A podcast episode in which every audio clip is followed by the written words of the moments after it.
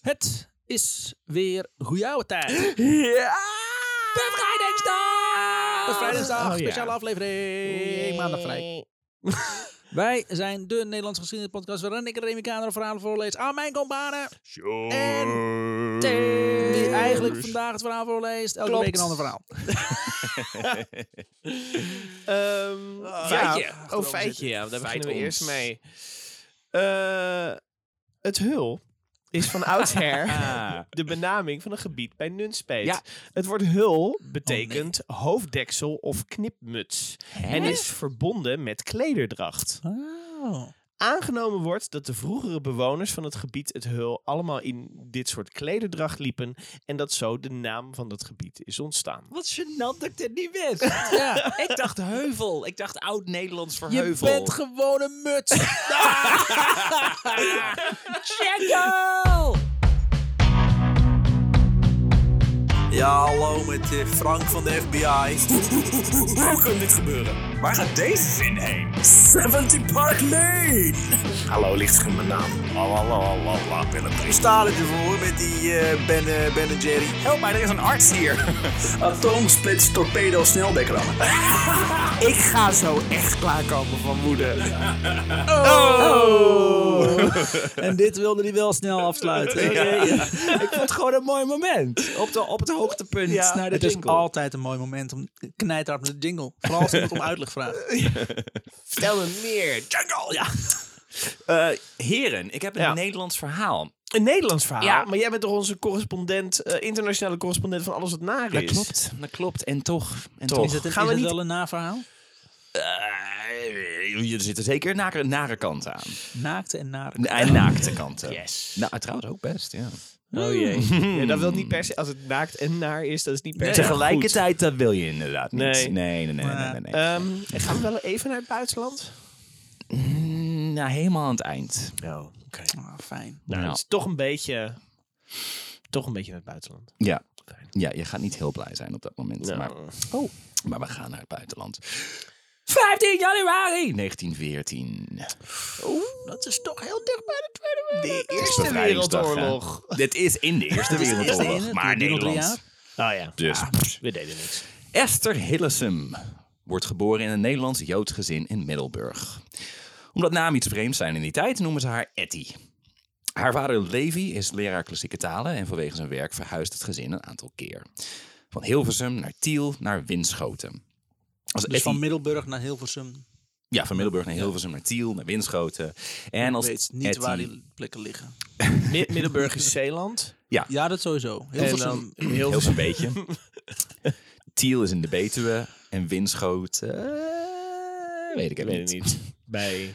Ze zijn er alweer weg. Windschoten meldt u. Oh, ja, oké. Ja, Dus, windschoten laat je horen. Als Etty tien is, komen ze in Deventer te wonen. Oh. Haar vader wordt daar aangesteld als rector van het stedelijk, gymnasium. De familie Hillesum is niet bepaald religieus. In 1937 laten ze, laten ze zich dan ook uitschrijven als lid van de Joodse gemeente. Dat terwijl Etty's overgrootvader aan haar vaders kant opperrabijn was geweest in Zwolle. Beetje zoals eh, Max Tailleur. Die waren Joods, maar deden er niet zoveel mee. Ja, afvalligen. Ja. Ja. ja. Haar moederskant van de familie was Russisch. Eh Etty's moeder vluchtte in 1907 na een pogrom naar Nederland. Pogrom? Pogrom. Oh, wat, is- wat is een Pogrom Pogrom is een eh jodenvervolging. Oh, Ja. ik dacht dat het een uitspraak... Want het, werd- het is ook een woord, pogrom. Is dat het, dat het eh, waanzin is. Alles is daar waanzin. Alles is daar pogrom. Oh, oké. Nou ja, het zal Nou, zeker klinkt- verwanten met ja, elkaar, maar het was redelijk waanzin. Ja. oké. Het was, niet, het was niet zoals de nazi's deden, zeg maar, georganiseerd en... en, en nou, het klinkt alsof ik de nazi's... Ik bedoel, heel georganiseerd. Ik bedoel, dat moet je nageven. Wat ben je aan het doen, Tim? Nee, de pogroms waren echt letterlijk gewoon kozakken die gewoon een dorpje Ja, inreden. En gewoon knuppels. wap in gewoon Rijden op varkens. Ja. Ja, ik weet het. Ik weet hoe dat gaat daar in Rusland. Nog steeds. Ja. Zo slecht is het Russische Ja. leger namelijk. Ze hebben geen tanks meer. Nee. Eh, volgens haar zoon Jaap had ze daarvoor haar hoofd kaal geschoren en soldatenkleren aangetrokken. Oh, Dat is de moeder, van, what? moeder van Etty. Ja. Ze heeft als so- soldaat is in Amsterdam aangekomen. Dat Oh, wauw. is cool. Als Etty 18 is, verhuist ze naar Amsterdam om rechten te studeren. Ze doet er zeven jaar over, maar weet haar diploma te behalen. Nochtans heeft ze nog niet genoeg van het academische wereldje en begint ze met een studie Slavische talen. Deze zal ze alleen niet afronden. Het is namelijk inmiddels 1939. Nee. In Wat was er 1939 dan in 39? Ja, wat gebeurt er ook alweer? Ja, de, de aardappeloogst eh, ging heel Oh. slecht. Oh, de aardappeloproer. ja, Ja. ja. ja, precies. een Ah. backdoor aflevering Ah. van Remy alsnog. Remy. Die ineens een script tevoorschijn trekt. De Jordaan! Ah, verdomme. Piepers, piepers, piepers. In 1941, eh, in het inmiddels bezette Amsterdam, leert ze Julius Spier kennen. Eh, ik denk dat je zijn achternaam uitspreekt als Spier, Spia. maar dat ga ik niet doen. Oh, is het een Duitser? Het is een Duitser. Oh, Het is een Duitse Jood, oké. die twee jaar daarvoor naar Nederland was gevlucht. Eh, Spier had sindsdien een, sindsdien een kleine praktijk als psychogiroloog. Wat is dat? Wat? Ja. Verkopen ze daar gyros en zo? Ja. En hij wil alleen En die- giraal betaald Ja, worden. En die maken ze klaar door, door de, met, hun, met de kracht van hun gedachten. Telekinetisch. Ja. Telekinetische gyros. Gebeurt niet zoveel. Alle ingrediënten bijzonder. liggen naast het broodje. maar ik heb, best, toch. ik heb mijn best gedaan. De psychogirologie is net als frenologie zo'n wetenschap die het niet gered heeft. Frenologie. Frenologie is de studie van de, de, de bulten op je hoofd. En heb je daar nooit over gehoord? Nee. je, hebt, Nee. je hebt van die hipster eh, beelden, zeg maar, waar je dan precies, precies zag van, oh ja, dit gedeelte van het hoofd betekent dat je onbetrouwbaar bent en zo. Oh, echt? Maar frenologie werd heel veel gebruikt om klinkt allerlei een- racisme te... zo, oh, zie je wel, die zwarte mensen hebben zo'n hoofd. Ja, dat het betekent... klinkt namelijk heel erg als een fascistische eh, eh, wetenschap. De Ja. vorm van je hoofd Oh, bepaalt ja, of of, je- slim bent of Ja. Of je succesvol kan zijn in het leven. Ja, maar heel veel misdadigers werden bestudeerd. Van, oh ja, zie, dit is een, dit is een pedofiel, want die heeft hier een, ja, een heb er nog een leuk verhaal over. Eh, nee, het werd, de, de kol- kolonialen waren heel erg eh, fan van frenologie. Ja, dat bestaat. Nederlanders. Ja, ja. Die kolonialen, toch? maar, Ja, goed, Nederlanders. maar je ja. was eh eh Ik, werd- ik virologie vergeleek het aan met psychogirologie. Psychogirologie. Eh, is net als frenologie zo'n wetenschap die het niet gered heeft. En dat is nog zacht, zacht gezegd. Als je tegenwoordig googelt wat psychogirologie is, zoals ik moest doen, Oh ja? kom je alleen nog maar artikelen te- eh, tegen over Julius Spier. oh. Oh. Dus hij was Hij wel... was- eh, hij was eh, de. Ja, hij was ook de enige. Big business. Ja. Heeft heel even was het een ding en dat is dan al vrij snel. Want dit is onzin. Ik heb dit bedacht, je bent de enige. Dat is waar. Spier was een leerling van de Zwitserse psycholoog Carl Jung. Oh, Ja, Jung die, wordt dat was niet één ding. Die heeft wel aardig wat eh, ja, gedaan, toch? Zeker wel. Hij was weer een lid van... eh met zijn naam geweest. Waar was hij lid van? Ja, die andere... eh, Freud bedoel je? Freud, ja. Ze waren niet lid van Ja, ze elkaar, waren lid maar van ze waren, eh, Ja. En dan Zaten ze een- aan elkaars Ja. lid? het is Freud, hè? Ja. Dus, Film eh, gezien. A Dangerous Method. Ja. Ja, goeie, Nice. goeie film. Nee, film, ja. Eh, Jung wordt vaak in één adem genoemd met Freud. Oh, Maar hoewel Freud degene was met het cocaïneprobleem, hield Jung er veel maffere ideeën op na. Van de twee. Ja, Hij was zeer, ja, Ja, dat nu vertellen? zeer geïnteresseerd in paranormale verschijnselen. Ja, dat, ja. Hij schreef onder meer een boek over UFO's. Oh. Ja. En zo besloot Spier zich toe te leggen op de oeroude kunst van het handlezen. Ofwel girologie. Ja, psychogirologie. Wat dus dan Spier een- psychologisch handlezen. psychogiroloog geoloog maakte, was dat hij naar aanleiding van zijn handlezing met zijn patiënten in gesprek ging over hun jeugd, hun gevoelens Oh, en gedachten. Volledige onzin dus. Eigenlijk, het doet wel iets omdat je met ze praat, maar het heeft niks met die fucking hand te Ah, maken. nee, dat hadden ze eigenlijk eruit kunnen laten. Net zoals het interpreteren. Ja. net zoals het interpreteren van tarotkaarten door sommigen wordt, er, eh, wordt gebruikt om een inzicht te verkrijgen in hun onderbewustzijn. En veel mensen blijken wel degelijk baat te hebben bij deze behandelingen. Hij was zelfs zo charismatisch dat hij een kleine schare aanbidders om zich heen verzamelde. Oh, dat is Oh, ook nee. altijd een goed teken.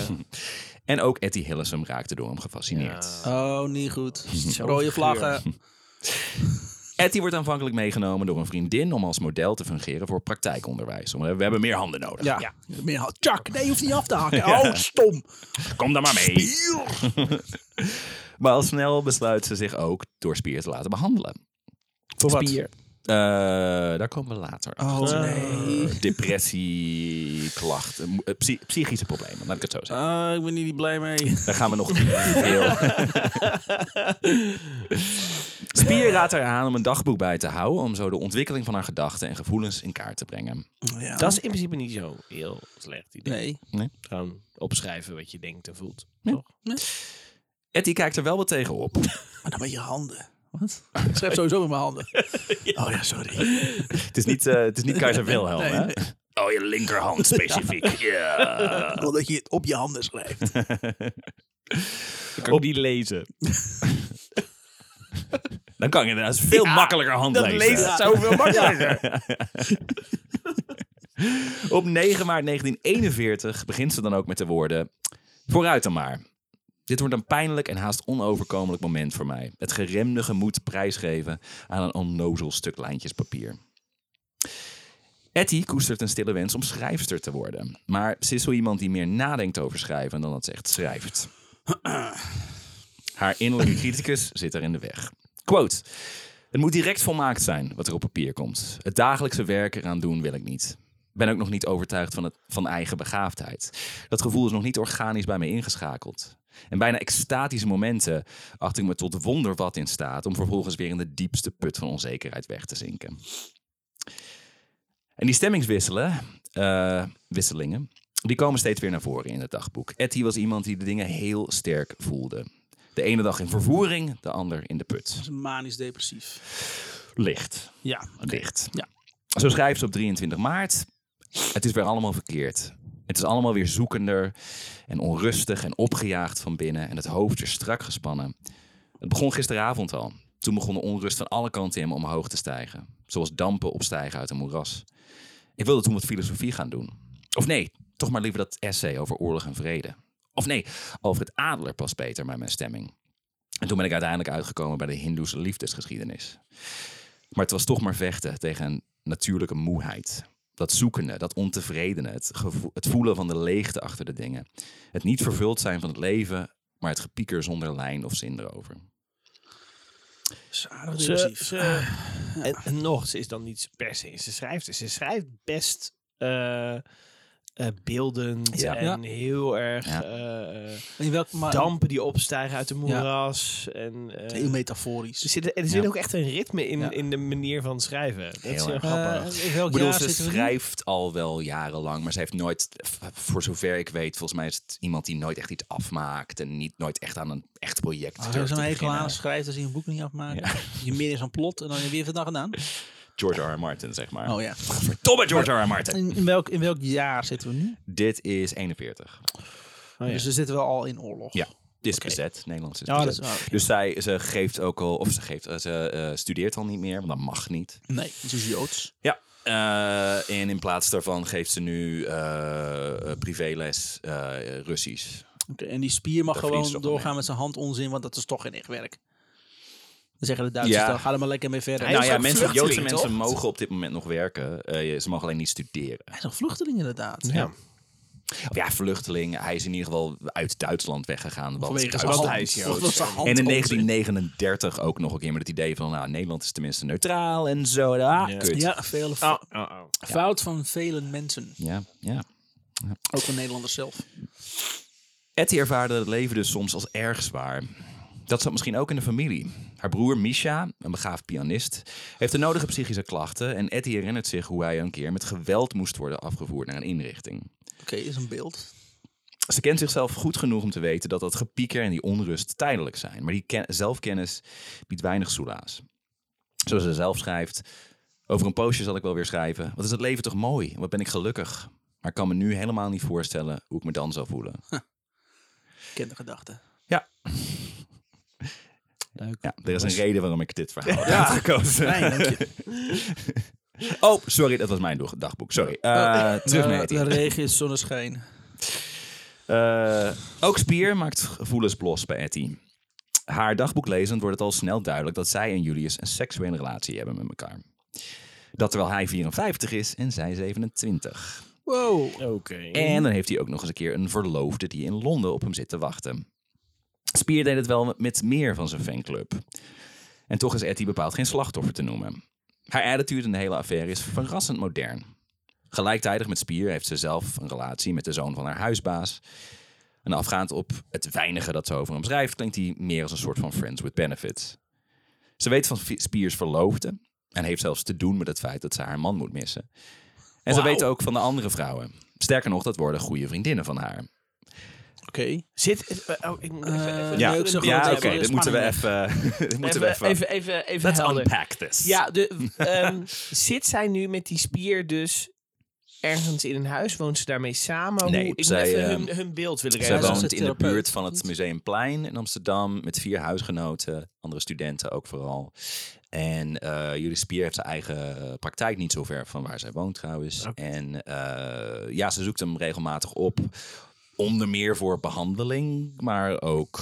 Ja. Ja. Handjobs natuurlijk, want dat is... eh, Ja. Nou ja, er is, ja, jullie Spier is een interessant figuur. We gaan het veel meer uiteraard hebben over Etty Hillesen, maar dat is een beetje de hoofdpersoon natuurlijk. Maar Spier, Oh. er is zeker achteraf heel erg veel over geschreven. Zo van, in hoeverre was dit nou gewoon een totale charlatan? klinkt een die het beetje als gewoon... een secteleider, als ik eerlijk moet zijn. Nou ja, hij was in ieder geval enorm charismatisch. Nou, ik bedoel, hij, zal niet, de, seks. hij zal secte. niet de eerste leraar zijn die Ja. het met studenten eh, doet, zeg maar. Nee, maar hij klinkt, hij klinkt een beetje manisch en gevaarlijk.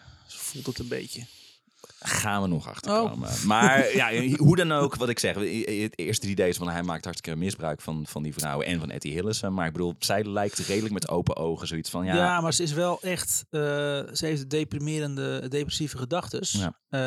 ja, dus ze is vatbaar daarvoor, Ja, suicidaal, of weet wat het erin zit. En seks voor brengt je dan even dat stukje hemel op aarde. Dus daar kun je al snel verslaafd aan Het raken. idee dat iemand je Nou, begrijpt. is niet iemand Ga je, dat, ga, je dat los, ga je dat los van elkaar zien? Ze doet het met twee mannen. Dat is niet zozeer seksverslaafd. Dit is voor 1941 redelijk progressief. Ja. Ehm, ja. Ik denk, dat het meer zit in, in, de, in het positieve Maar het, gevoel die iemand het, zich hebben, geeft, zeg het, maar. het seks hebben met twee eh, mannen, eh, het seksverslaving moet niet betekenen dat je het met de hele wereld doet. Het is Nee. dat je problemen oplost met het hebben van seks. Dat is niet wat ik uit het dagboek heb eh, gehaald. Eh, ze, beschrijft redelijk eh, openlijk, zeker voor een vrouw in 1941, over, over haar seksleven. Maar het speelt niet een heel grote rol. eh. Aangezien de tijdsgeest. Het is nu wel 27. Een, eh, interessant ding. ja? Kan, ja. ja. Ik, Ja, ja, ja. Ehm, dus ja, het hele clubje lijkt niet zoveel waarde te hechten aan monogamie. nou, oké. Het is een beetje free love allemaal. Zijn een Ja, beetje een tijd is- vooruit. Ja. Ja, een beetje wel. Boe. In het begin, in het begin worstelt zij daar nog wel een beetje mee. Bij Vlagen voelt ze zich wel, wel degelijk jaloers. Dan voelt ze zich, naar eigen zeggen, zeggen doodongelukkig en eenzaam.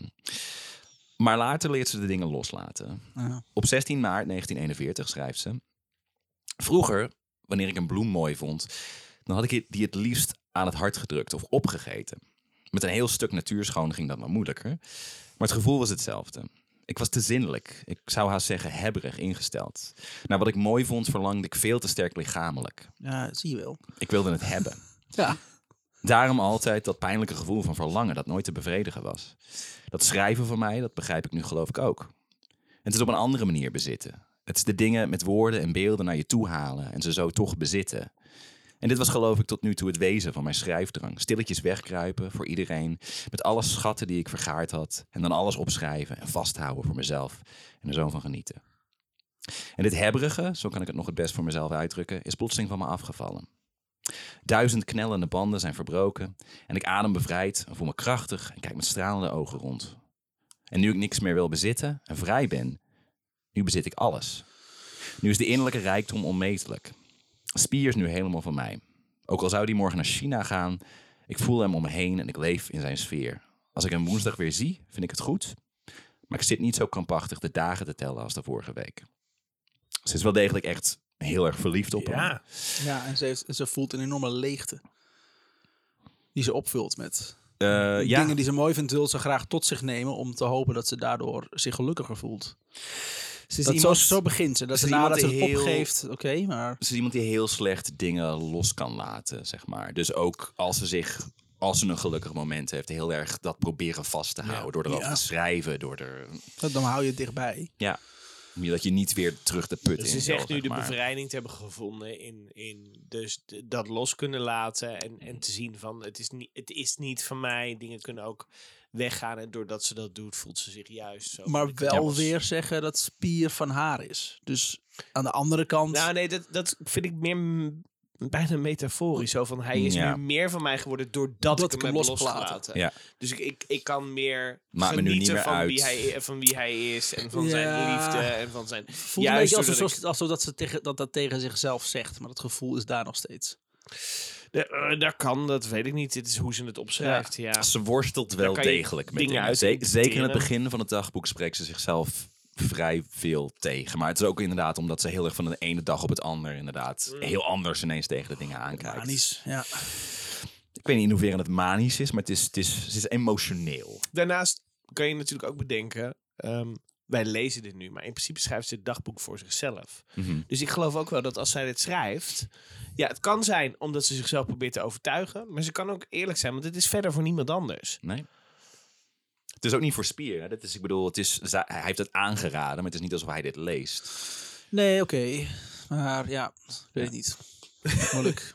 Ja. Ja, nou wat ik zeg, het is, het is iemand, het is, het is manisch-depressief vind ik haast te ver gaan, maar ze heeft zeker een, een piekerstoornis, of hoe je het dan ook wil noemen. Ze lijdt aan, aan, aan anxiety, angst, Ja, eh, onrust. hallo.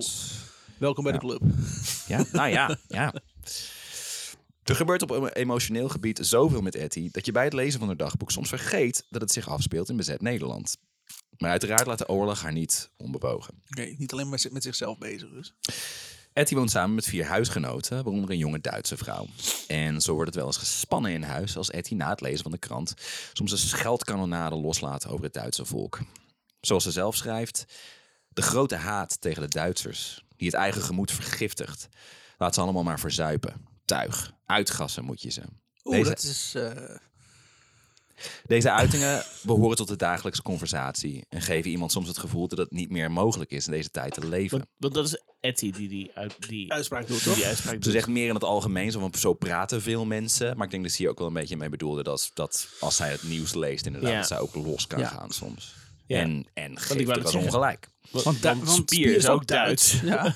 Ja, Even gehaksma- Duitse Jood. Ja, ja. Maar die andere ja, Duitse ja. meid dat is dan wel een. Duitse meid? Ja. Ah, Oké.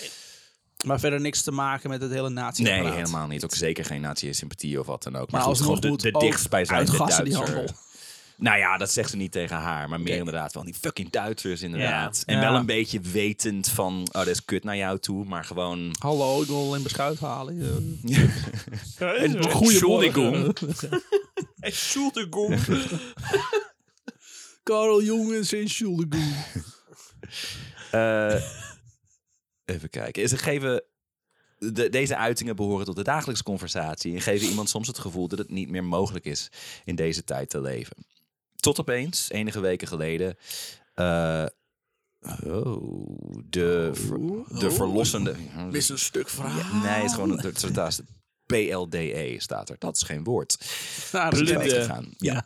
Tot opeens enige weken geleden de verlossende gedachte kwam.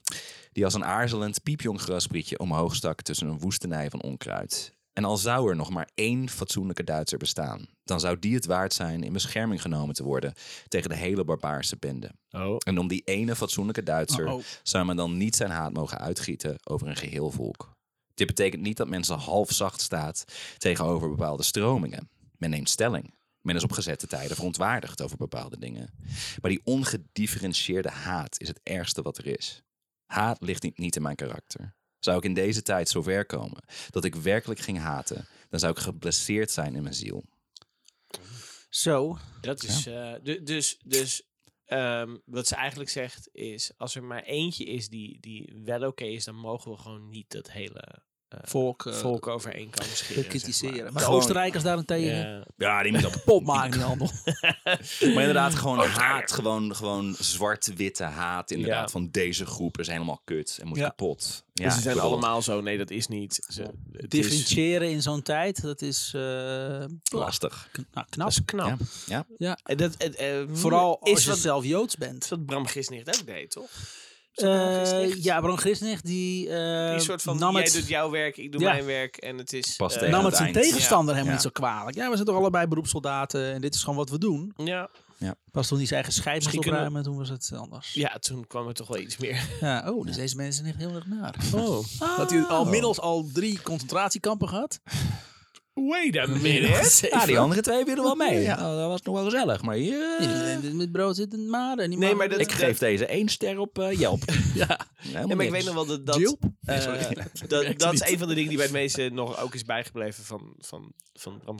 En wat ik nu dus eigenlijk hier ook hoor is... dat je zo'n goed mens bent, dat je toch Ja. probeert te blijven zoeken naar, naar eh, kunnen vergeven of, Ja. of, of, of Maar dat- Maar ook voor klinkt- zichzelf, hè? Dat klinkt Ja. Omdat ze die- zegt van, dan, dan zou mijn ziel geknakt zijn. Ja. Zo van, dan Maar- verlies ik maar iets mis- van mezelf. maar- Maar het feit dat je dat al bewust probeert te doen, Ja. is maar bij echt die heel knap. Etty, eh wisselde ze er daar dan in? Want ze had natuurlijk een, ene dag een goede dag. En dan zag ze dan de hoop van de mensheid in. Mm. En de andere dag dacht ze, nou fuck het allemaal. En was ze daar dan in rancuner? Mm, nee. Niet. Het is altijd nee. wel dezelfde... Nee, wel inderdaad dat ze zich af en toe echt tegen dat soort gedachten moest verzetten. En heel, heel veel mensen om haar heen waren ook ontzettend soort van verbitterd en zo. Ja, en nogmaals, ja, gegeven ze logisch. ongelijk. Ja. Het is een put waar je snel in valt. Ja. Ja. ja, dus het is niet van, oh, daar heb ik nou mee gedeeld en eh, klaar Ja. zo. Eh, Heb je middag over nagedacht? Ben je Ja. klaar mee? Ja. Mooi, nou. naast de liefde. hoi. De gesprekken met Julius Spier maken dit soort ideeën bij haar los. En het schrijven helpt haar ze beter begrijpen. In de zomer van 1941 lijkt ze een soort doorbraak te hebben. Oh, we zitten nog maar in de zomer van 41. Dus, in, dus al, eind. deze, al deze gedachten die ze heeft. Maar dan, ja, is de, is de oorlog al in Nederland na in 41? Eh, de In de bezetting. Sowieso Dus is bezet. Dus het is bezet, maar zijn Als ze je al full, Joods bent, zie je... full-blown... Ja, eh, nou oké, ja, Joods. ja, ja. Maar Het ze wordt allemaal nog wel veel huis. Ja, Ja, ik bedoel, ze mag daar nog gewoon wonen en Ja. zo. Er zijn nog niet zo heel veel maatregelen op dit moment. Ze mag alleen niet meer studeren. Dus dat zijn de eerste maatregelen. Ja, Ja. oké. Ja. Ehm, de ghetto-vorming moet nog gebeuren. Eh, even kijken, ze lijkt Hmm. dus in de zomer van 1941 een soort doorbraak te hebben. Op 23 augustus schrijft ze... En toen die lange tocht vanaf het Amstelstation... door de bijna donkere als betoverde stad... En toen kreeg ik op die wandeling opeens het gevoel dat ik niet alleen was, maar met z'n tweeën. Ik voelde me alleen, net alsof ik uit twee, uit, uit twee bestond. Uit twee mensen die zich innig tegen elkaar aandrukten en het daardoor goed en warm hadden. Een heel sterk contact met mezelf en daardoor een grote warmte in mezelf. En mezelf volledig genoeg zijn. Ik had ook een hoop conversatie met mezelf en tippelde daar zo plezierig al die Amstellanen af. Helemaal in mezelf verzonken. En ik constateerde met een zeker genoegen dat ik mezelf een goed gezelschap ben. En dat ik heel goed met mezelf kan opschieten. Zo. Ze schrijft behoorlijk Ja. eh, eh, poëtisch. Ja. Er komen nog, daar komen nog mooie stukken aan. Dit gevoel zakt uiteindelijk wel weer weg, maar ze weet het daarna steeds vaker te hervangen. Langzaamaan, eerst voorzichtig en later steeds meer, begint, eh, begint ze die tweede persoon, die andere Etty, te identificeren als God. God? Ja. Wat, als, waar komt, Oh. komt dat ergens vandaan? Komt het, waar komt dit opeens vandaan? Ja. Ze is niet per se religieus opgevoed. eh, spier eh, is God zit in haar. gelovig. Maar nou ja, meer... Oh, als God, sorry. Ik dacht eh, dat je zei hot als H-O-T. Nee, nee, nee. God. Wat? Ja, ik vond het ook heel vreemd. Ik denk, is het, we hebben iets gemist? Zo'n atheïst ben je. God zeg je. Huh. Zeg ik dat goed zo? Is dat met dubbel D? Haat. DT, toch? Ja. Nee, God dus... dus Oh, God. Oh, jezus. Oh, god, oh jezus. ja, ze, ze voelt God in zichzelf. Ja. Ehm, zoals ze zelf zegt, quote, deze woorden, deze woorden begeleiden me al wekenlang. Men moet ook de moed hebben het uit te spreken. De moed hebben de naam God uit te spreken. Spier zei me eens dat het heel lang geduurd had voor hij de naam God uit durfde te spreken. Net of hij Ja, nog steeds je, iets het belachelijk... voelt toch heel erg eh, religieuze secte geneuzel. eh. ik weet het niet. Ik vind het heel Wacht mooi nou hoe het en zet je fucking telefoon eens Ah, uit. man. Was dat weer telefoon? Ja. Ja. Oh, die Remy is zo populair. Populaire guy. His phone's Ik denk- blowing up. ik denk dat het God is. Hou eens op. Hey, Remy. Stil nou, probeer het verhaal te volgen. Oh ja, sorry. Eh, Spier zei me eens dat het heel lang geduurd had voor hij de naam God uit durfde te spreken. Net of hij er nog steeds iets belachelijks in had gevonden. Terwijl hij toch geloofde. Etty begint haar spirituele ontwaken steeds meer te omarmen. Ze begint met bidden, iets wat ze van huis uit nauwelijks had gedaan. En begint ook langzaamaan te begrijpen waarom eh, ze de aanwezigheid van het goddelijke maar zo nu en dan voelde. Quote. Is het, is het dan een, een eh, katholieke god die ze voelt? Nee, het is, ze Of eh, totaal geen Jehovah. binding met een specifieke religieuze stroming. Dit is echt, echt haar eigen Haar eigen God. Met, ja, haar goddelijke zij? Ja, haar interpretatie van Oké. ja, iets wat, je, wat wij Iets misschien de, ziel, de ziel zouden noemen. Ja, of liefde, Geest, of whatever. het universum. eh, of zij heeft daar de naam God op geplakt. Mm, willekeurig. Ja. kan het Ja? zeggen. Het was bijna... Ik, ik, ik heb ooit eens eh, mijn- in, mijn, in mijn middelbare schooltijd nog verdiept in het satanisme. Oh, gek. ik heb ook die... eh, heb ook die... Dat eh, past er mooi bij je Iron Maiden Ja, t-shirt. past er mooi bij mijn ik, heb, ik heb die studie ook gevolgd. Ja. Ik heb daar, eh, nee, dat was, voor, dat was toen voor een spreekbeurt. Oh, weet ik. Ik niet. Nee. Eh, maar daarin, eh, wat ik daar vooral toen uithaalde, was dat, dat zeg maar, je hebt, je hebt sowieso je rare occulte shit en mensen Ja. die, die shit offeren. Maar dat, dat de, de hoofdstroming vooral is vanuit, het God, vanuit God van je, vanuit jezelf zien. Als in, jij, Oh ja. bent, jij bent God. Ja. En eh, eh, ja, en iedereen die jou dus onjuist bejegent. Dat betekent ook dus dat je gewoon goed moet zijn naar, Ja. naar anderen. Maar als anderen jou onjuist bejegenen, mag je daar volle bak op, Ja. duiken, zeg Ja. maar. Dat, dat, dat is een beetje de, Ja. wat ik De- daar toen uit heb gehaald. Dus ik dacht bijna van... Is wordt een satanist. Nou, is niet- ik, had niet, ik geloof nooit dat ze satanist zou worden. Maar meer dat ik dacht van... Oeh, ik, God is een onderdeel van mij. Of ik ben God. Zij, eh, en ik weet niet precies waar in haar spirituele ontwikkeling we inmiddels zitten. Maar zij ziet God niet alleen in zichzelf, maar ook in andere mensen. Ja, ja, ja. En als in van elke Ja. ziel is, het Is één. onderdeel Ja. van hetzelfde. Satanisme bestaat ook nog niet, toch? Toch wat meer... eh de jaren die, eh, 60. Crowley, Zou die heel dat, veel ja, zijn. eh, ja, Elster Crowley, dat is inderdaad 19e eeuw. En dan krijg je Anton, Anton LaVey in de jaren 50. en LaVey. ik had ook 60. nooit verwacht dat het daarheen ging. Maar ik moest daar wel gelijk aan denken toen je het op die manier... Snap ik. eh, zou kunnen met Tim. Je weet het nooit. Ik weet het nooit. Hij heeft er ook eh, Mayhem eh, zeggen, we hebben al eh. een black metal aflevering Ja. gedaan. Ehm, Oké, en ze begint ook langzaamaan te begrijpen waarom ze de aanwezigheid van het goddelijke maar zo nu en dan voelde. Quote. Binnenin me zit een hele diepe put. En daarin zit God. Soms kan ik erbij, maar vaker liggen er stenen en gruis voor die put. Dan is God begraven. Dan moet hij weer opgegraven worden. Ik stel me voor dat er mensen zijn die bidden met hun ogen naar de hemel geheven. Die zoeken God buiten zich. Er zijn ook mensen die het hoofd diep buigen en in de handen verbergen. Ik denk dat die God binnenin zich zoeken. Dus dat Oh. doet zij dus ook. Ja. Ja. Ehm, en ja, ik, het, het, het, God is, is, is dan eh, hoop, positiviteit, een goed gevoel, eh, liefde, liefde eh, je hart volgen, je, ja, je hogere zelf, hoe je het er dan dat is wat ze, soms, wat ze soms voelt in die, in Ja. bijvoorbeeld, eh, soms juist niet, doordat ze de manisch of tegen, misschien zelfs depressief is op bepaalde Als je punten. hoofd vol zit met Ja. bullshit inderdaad en stress en, en, en, en op het moment dat ze wel kan genieten van bepaalde dingen of van Ja. mensen, of dan, dat dan is dat kan halen, God, Ik weet te weinig van religie in Nederland. Maar er zijn volgens mij wel bepaalde christelijke stromingen Mhm. die ditzelfde prediken. Dat kan maar. Als echt in je- dit Ja. en dit. Ja, nee, maar gewoon de- dat, God zit in jou en, Ja. eh, en niet zozeer daar, maar, maar in Ja, jezelf. Ja. Ja. God staat niet buiten ons, is niet een, een, een man met een baard. Nou, hij, hij, hij dicteert niet hoe jij je leven moet leiden. Nee. Eh, het is inderdaad een soort van liefde, liefdesgevoel. Ja.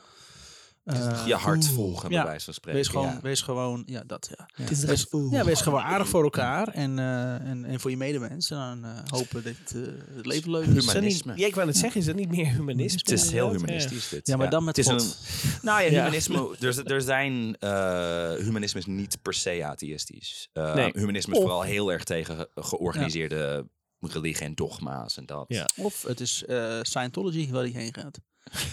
Dat zou knap zijn, Ja, want L. Ron. Hubbard is volgens mij nog niet geboren. Nee, hij is wel geboren trouwens. Hij zoekt het God in jezelf. Het een stukje van jezelf. God Ik komt van buitenaf. Je kan met een e- met een e-meter kun je dan Ja. eh, meten hoeveel God er in je zit. Gouden, gouden Boeings. En, eh, ja. Of dat, toch? Ja, Ja, hij ja. is dichtbij, hè? Ja, ik zie je daar. Ik wil echt nog een keer I Hubbard. Maar dat is, het is zo'n lang verhaal. Ja, dat geloof ik, ja. Echt. Eh, op 6 december 1941 beschrijft Etty iets zonder het te beschrijven. Ja, leeg papier dus. Ja. Hoeveel bladzijden waren dat? Vanmorgen vroeg, bij het wakker worden, even die loodzware beklemming. Pikzwarte onrust. Het is per slot geen kleinigheid. Ik heb het gevoel of ik bezig ben een mens het leven te redden. Nee, dat is belachelijk. Een mens het leven te redden door hem met alle geweld buiten dit leven te houden. Ik wil het iemand besparen dit jammerdal te betreden.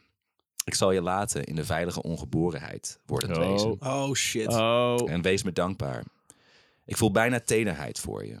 Ik ga je te lijf met heet water en griezelige instrumenten. Oh. Oh, jezus. Ik zal je geduldig en gesta- gestadig bestrijden. Tot je weer in het niets bent opgelost. En dan zal ik het gevoel hebben een goede daad te hebben verricht. Mm. En verantwoordelijk te werk te zijn gegaan. Abortus. Ja, Ja, dat hadden we door, Tim. Ja, die hadden we door. Ja. Die hadden we, ja. Ja. Ik vond jullie reacties heel, heel, heel maf. Alsof ze iets heel ergs aan het doen is. Ik Ja, denk, wat is ze toch aan het doen? ze is zelf abortus aan het plegen. Nou nee, die, ja, want het is 1941 Ja, en ja, ze is Joods. nog. Wat moet ze dan? Maar dan is die daad nog wel erg. Dat wens je toch niet iemand toe? ik vind het wel, Oh ja, dat, ik ze, vind dat, dat, ze het moet doen. Ja, ja, niet, tering. niet alsof zij iets fout doet. Nee, door. nee, Oh, waarom- waarom had dat oh, gestaan? nee, dat, ik, dat dacht ik, ik snapte die reactie Jij al weet niet. dat wij allebei daar absoluut niet op die Nee, manier nee, over denken. nee, Nee, dat is is, dat nou is juist, het is juist het idee. De, ze- eh, de- de- Ja. Dat is geen makkelijke Nee. keuze die je moet maken. Nooit. nee. Of, of je het nou wel of geen kinderen wil. Ja. Dat is, dat is nogal iets. je schrijft er wel iets meer doet. over. En het, eh, zeker hoe ze erover schrijft. Zeg Ja. maar. ze, heeft, ze, ze heeft er duidelijk een idee over, een mening over. De manier waarop ze het beschrijft. Ze Dus- doet niet zomaar iets, Nee, het is echt Nee, wel... En als ze al iets doet, dan gaat ze daarna heel lang erover nadenken. Dit valt nog wel mee hoe lang ze hierover schrijft. Ze is hier vrij snel een soort van overheen. Ja, maar ook weer poëtisch. Ja, Ja, ze dat schrijft is heel erg... Is eh, het, doet ze ja. dat dan om, om, om de, de harde realiteit toch een soort van zachtheid te geven? Ik denk dat ze, ze houdt gewoon heel erg van schrijven. Gewoon zo, van, zo, zo, zo, zo maar ze wel kiest bespraakt, wel- mooi mogelijk. Maar ze Iets verwoorden. bepaalt dan deze vorm ook. Dat doet Ja. ze dus wel Ja. echt met een eh, misschien wel onbewuste reden. Ja. Ja, dat ja, weet ik niet. Ja, ik bedoel, ik, ja, Of het is haar manier van schrijven. Ik, Ja. Ze, ze schrijft namelijk elders, er wordt wel iets meer nog over eh, gezegd, maar het, het is, ik bedoel, deels is ze natuurlijk gewoon een Joodse vrouw in 1941. Dus ja, niet een idealiteit om kinderen te krijgen. Dat, dat staat er niet per se in, maar dat zal hem zeker mee hebben gespeeld. Ze heeft ook niet per se heel erg moeilijke gevoelens. Ehm, haar broer en zij zelf hebben natuurlijk... Psychische problemen. Ja, Ja. ja. dus ze weet ook niet in hoeverre dat Maar erfelijk is ze is. en spierde zo. vader? Of is die andere dude? En Dat is niet duidelijk. Ja. Dat wordt niet benoemd. En dat wist ze denk ik Nee. ook niet. Want ze ja, met meerdere, allebei. meerdere bedpartners natuurlijk. Ja. Dus ja. In 42 blijven Etty's stemmingswisselen haar plagen. Maar met de door, door haar verworven inzichten staat ze een stuk sterker in haar schoenen. Quote. Ik ben nu toch anders treurig dan vroeger. Ik val niet meer zo diep. In de treurigheid ligt alweer besloten de oprichting. Vroeger dacht ik eh, nu mijn hele leven verder altijd even treurig zou blijven. En nu weet ik dat die momenten ook in mijn levensritme horen. En dat het goed is. Het is weer dat vertrouwen, dat hele grote vertrouwen, ook in mezelf. Ze heeft een soort van spiritueel fundament gevonden. Ze staat gewoon sterker in de, in haar schoenen nu. Dat is mooi. Ja. Ik, ik, ik, Zou ik kunnen. moest een beetje een soort van ironisch gniffelen om, om, om de term, of om, omdat ze zegt, eh, eh, ik ben anders treurig. Ja. Zeg maar, Ja. het, het is nog steeds treurig. Het Ja. is er nog steeds. Ja. Want het is waarschijnlijk toch iets biologisch aangeboren. Ja. Whatever. Stofjes in je Komt hersens of wat dan vandaan. ook. Ja, ja, uiteindelijk is dat... En je hoort het ook echt wel tot in het eind van het dagboek. Hoor je er wel dit soort momenten hebben. Maar Ja. ze gaat er steeds beter mee om. Ja. Ehm, dus ja, dat is wel een big deal. Ze leert dus omgaan met haar eigen treurigheid. Ze accepteert van zichzelf dat Ja, ze zich niet minder altijd eraan- vrolijk is. Ja, zich minder eraan over te geven. eh, meer te accepteren. Zo van, hé, ik voel me nou gewoon even zo. Nou ja, niet zozeer overgeven, maar het niet meer zo erg te, te, te, eh, eh, verzet te tonen tegen tijd. Ja. Tegen Of, het feit of dat je het weten hebt. dat het weer, dat het weer passeert. Zeg Ja. maar. Zo van, dit, ik voel me nu zo, maar straks voel is- kan, ja. ik me weer even, kan ik weer even Het is niet van het leven. reëel. Het, ik voel dit nu omdat eh, dat ik een rare indeling in mijn hersens heb. Ja. Maar dit gaat wel weer over. Ja. Ik heb, ik heb Ja. de loos nodig om de Het te niet krijgen. uitzichtloos. Ja, precies. Dus een zingeving heeft in haar leven. Dat helpt heel erg. Maar het hangt ze dan op aan het feit dat ze God voelt. Dat noemt ze op dat moment niet zozeer, maar dat denk ik wel heel erg. Ze, ze, ze zegt van, eh, dat, het is weer dat vertrouwen, dat hele grote vertrouwen ook in mezelf. Dus ik denk, Ja, dat voelt wel zo, hè? Ja, ja denk het. Ja. Eh, de mensen om Etty heen merken ook een verschil in haar. In een gesprek met een vriend van haar over de Duitsers weet ze deze van zijn stuk te brengen met haar, eh, met haar inzicht. Quote. Wat is dat toch in de mensen om anderen kapot te willen maken? vroeg Jan verbitterd. Ik zeg de mensen. Ja, de mensen. Maar bedenk dat je daar zelf ook onder valt. En dat wilde je onverwacht zomaar toegeven. Die bokkige Noorse Jan. En die rottigheid van de anderen zit in ons ook, preekte ik, ik door. En ik zie geen andere oplossing. Ik zie werkelijk geen andere oplossing dan in je eigen centrum in te keren. eh, en daaruit te roeien, al die rotheid. Ik geloof er niet meer aan dat we in de buitenwereld iets verbeteren kunnen. wat we niet eerst in onszelf moeten verbeteren. Is dit een betere wereld? Begin bij jezelf. Ja, toch? Ja, Ja, dat is wel wat maar beter zegt. verwoord. En dat lijkt me de, die enige les van deze oorlog. Dat we geleerd hebben dat we het alleen in onszelf moeten zoeken en nergens anders. Ja, het is eh, iets anders dan walraven, dat weet ik wel. Ja, kan niet meer dan, dan dat. Ja. Ja. Ja, ja dat is wel... wel als je inderdaad walraven... Je haalt wal, ra- walraven nu aan van vorige week. Van afgelopen maandag. Ja. Die gewoon heel erg was eh, actie doen, mensen Ja. helpen gaan, gaan, gaan. En dit is iemand die gewoon heel erg spiritueel... Of, of in ieder geval in zichzelf op een zoektocht is naar zichzelf. En hoe moet ik hiermee dealen? Ja, is Ieder gewoon- mens is anders. een Iedereen heeft zijn eigen, Het is eigen gewoon iemand die ervaart natuurlijk. de oorlog. Ja, Doet verder eh, niet zoveel, behalve dan leven. ja. Ja. ja, het is gewoon, het is gewoon een Ja. studenten van 27. Ik bedoel, ja, Walraaf is bankier en komt uit een rijke familie en zo. Ja. ik, weet, ik had wel aan het, eind, aan het ja. eind van het verhaal van Walraven dacht ik wel van, dit verhaal gaat nu heel anders. This is gonna, Ja. this is gonna hit different. Ik vind het op zich, Nee. ik weet dat het eh, Nee. nou precies hetzelfde gaat. Zij wordt ook bankier van Ja. het verzet. Jij hebt ook een monument gezien van ja. haar Ja. ergens op een plein. Het was, ik heb eh, een monument van haar gezien. Ja, het was Ah. een eh, platgestampte mok op. Begreep niet precies helemaal wat de kunstenaar daarmee willen te zeggen. is Maar moderne het- kunst, Ja, moderne, Moderne kunst. Ja, kunst. niet Ja, zeg vreemd. maar. Ik vind het juist wel, wel mooi naast walraven. Ja. De- ja, de- het is een de- hele andere, de andere hele andere manier. ervaring van de oorlog. En dat ja. is sowieso met alle verhalen die we nu gehad hebben over of uit de Tweede Wereldoorlog. De, de, de mensen Ja. die dat hebben beleefd, hebben ervaren, hoe ze daarmee om zijn gegaan uit verschillende milieus, achtergronden. ja, eh, Jozef Sylvester, Grisnik, ja, Truus van dus- Zuiden. Ja. uiteindelijk zijn we, Abraham zijn we inderdaad allemaal mensen, zoals eh, dat natuurlijk zegt. En eh, we, we beleven dat allemaal anders. Ja, ik vraag me af waar het helemaal heen gaat. Of, het, of, het, of dit nou een soort van Anne Frank verhaal wordt. Van iemand die gewoon een oorlog meemaakt. Met al haar gedachten die ze daarbij heeft. Want dat, Ja. voelt een beetje als een, als een dagboeklezing. En eh, dat komt natuurlijk omdat er veel quotes in, voor, in voorkomen Ja. uit een dagboek. Maar in het, ja, ik eh, ben benieuwd. Ja, Noem het Stockholm-syndroom of een soort New Age naïviteit. Maar Etty kijkt inmiddels anders tegen de bezetter aan. Na een aanvaring met een lid van de Gestapo schrijft ze... Ik ben eigenlijk niet bang. Niet Oh. uit een bravoure gevoel, maar uit een gevoel dat ik toch altijd met mensen te doen heb. En dat ik proberen zal iedere uiting te begrijpen, van wie dan ook, voor zover me dat mogelijk zal zijn. Oh jezus. ja. Met een Gestapo? Dat niet de minste. Ja. En dat was het historische in deze ochtend. Niet dat ik door een ongelukkige Gestapo-jongen werd aangeschreeuwd. Een Ik had- ongelukkige Gestapo, jongen. Ik had misschien Ja, verontwaardigd... medelijden met hem hebben ook. Ja. Ja. Ik had misschien verontwaardigd of bang moeten zijn, maar het belangrijke van die ochtend lijkt me daarin te liggen. Dat ik een oprecht medelijden met die jongen Ja, had. zie je. Wauw. Dat ik hem het liefst gevraagd had, heb je zo'n ongelukkige jeugd gehad? Of heeft je je meisje je bedrogen? Oh ja, dat zal inderdaad helpen in de discussie. Hij zag er gekweld en opgejaagd uit. Nog iets van die ochtend. De heel sterke gewaarwording dat ik, om al het leed en onrecht dat er ook gebeurt, toch de mensen niet kan haten.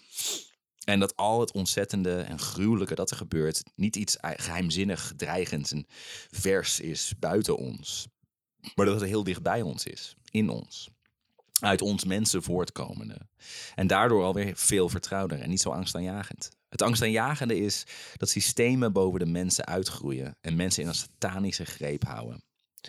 Ontwerpers, zowel als slachtoffers van dat systeem, zoals grote gebouwen en torens door mensen met eigen handen gebouwd, op een gegeven moment boven ons uitreizen, ons beheersen en over ons kunnen instorten en ons bedelven. Zo. Ja. Ja. Dat is mooi toch? Ja. Ja, Ja, het is toch. En, en inderdaad, eh, dat medeleven voor iemand van de fucking eh eh, Gestapo. het voelt heel erg Jezusachtig. Als je mij slaat, eh, dan keer ik jou de, de wang toe. Ja, en probeer, vooral proberen om Je mensen als niet. mensen te blijven zien. Wat Ja. ontzettend moeilijk is in zo'n Ja. situatie. Bijna, bijna uit de hoogte. Uit de hoogte naar, de, naar, naar een onderdrukker. Ja, ja nou, arme bijna jongen. wel.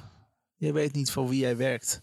Ja, Ik ja weet en voor wie ik besta. Nou, ik besta probeer- voor mijzelf. Proberen te blijven bedenken dat, dat zo'n jongen die daar dan staat.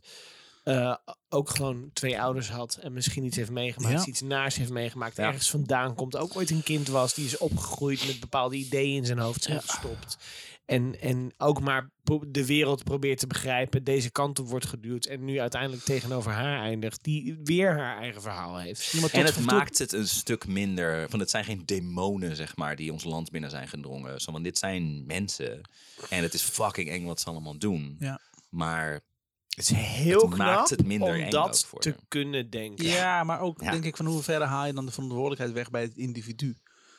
Ik bedoel, die Gestapo-dude is nog steeds bij de Gestapo. Sure. Hij zal verschrikkelijke dingen gaan doen. En dat kun je niet wegschrijven als in, ah, hij heeft waarschijnlijk een moeilijke jeugd gehad. Nee, nee, nee, een fucking monster. ja, Nee, maar het is- het zij is- is ook niet in de positie om hem al dan niet te bestraffen, zeg maar. Ja. Dus Ja, ja, maar wat heb je daar dan aan om dan heel erg te gaan zitten haten? Van, oh, moet, vet moet kapot. en niet, niet haten, maar dan niet dat, Ja, je, dat, dat, je raak van je hem, hem daarmee? dat je van hem wegneemt dat hij toch verantwoordelijk is voor zijn eigen daden. Ja, misschien. Misschien. Nou ja, het is... Het is ehm, Het maakt het voor in ieder geval makkelijker om te dealen met de situatie. Dat, Ja, is wat ik er nu zo ook uithaal. Het is niet zo dat er na elke dag... eh, Is het een overlevingsmechanisme? ja, het voelt eigenlijk Misschien wat ik zeg, ik bedoel, het klinkt bijna een beetje als Stockholm-syndroom inderdaad. Van Ja. een soort van de menselijkheid in je, de, hè, de, de- je onderdrukkers proberen te Want zien. had ze, dit had ze deze inkeer gehad als ze geen oorlog was geweest? Als een Dat is allemaal moeilijk te zeggen. Ja, dat is natuurlijk kunnen we speculeren. allemaal Ik ja, gooi ja, ook maar ja. gewoon door. had ze maar... deze één keer gehad als een op die handencursus is was geweest. Hè? Die handencursus. Was het ook alweer? eh, handen, psychologie, Chirologie. chirurgie. Ja. Psychogirologie, ja. Die. ja, ja. Zodra zich daar nooit voor had ingeschreven. Ik heb wel eens gehoord, dat vind ik een hele mooie, ehm, haten is eh, vergif innemen en hopen dat de ander sterft.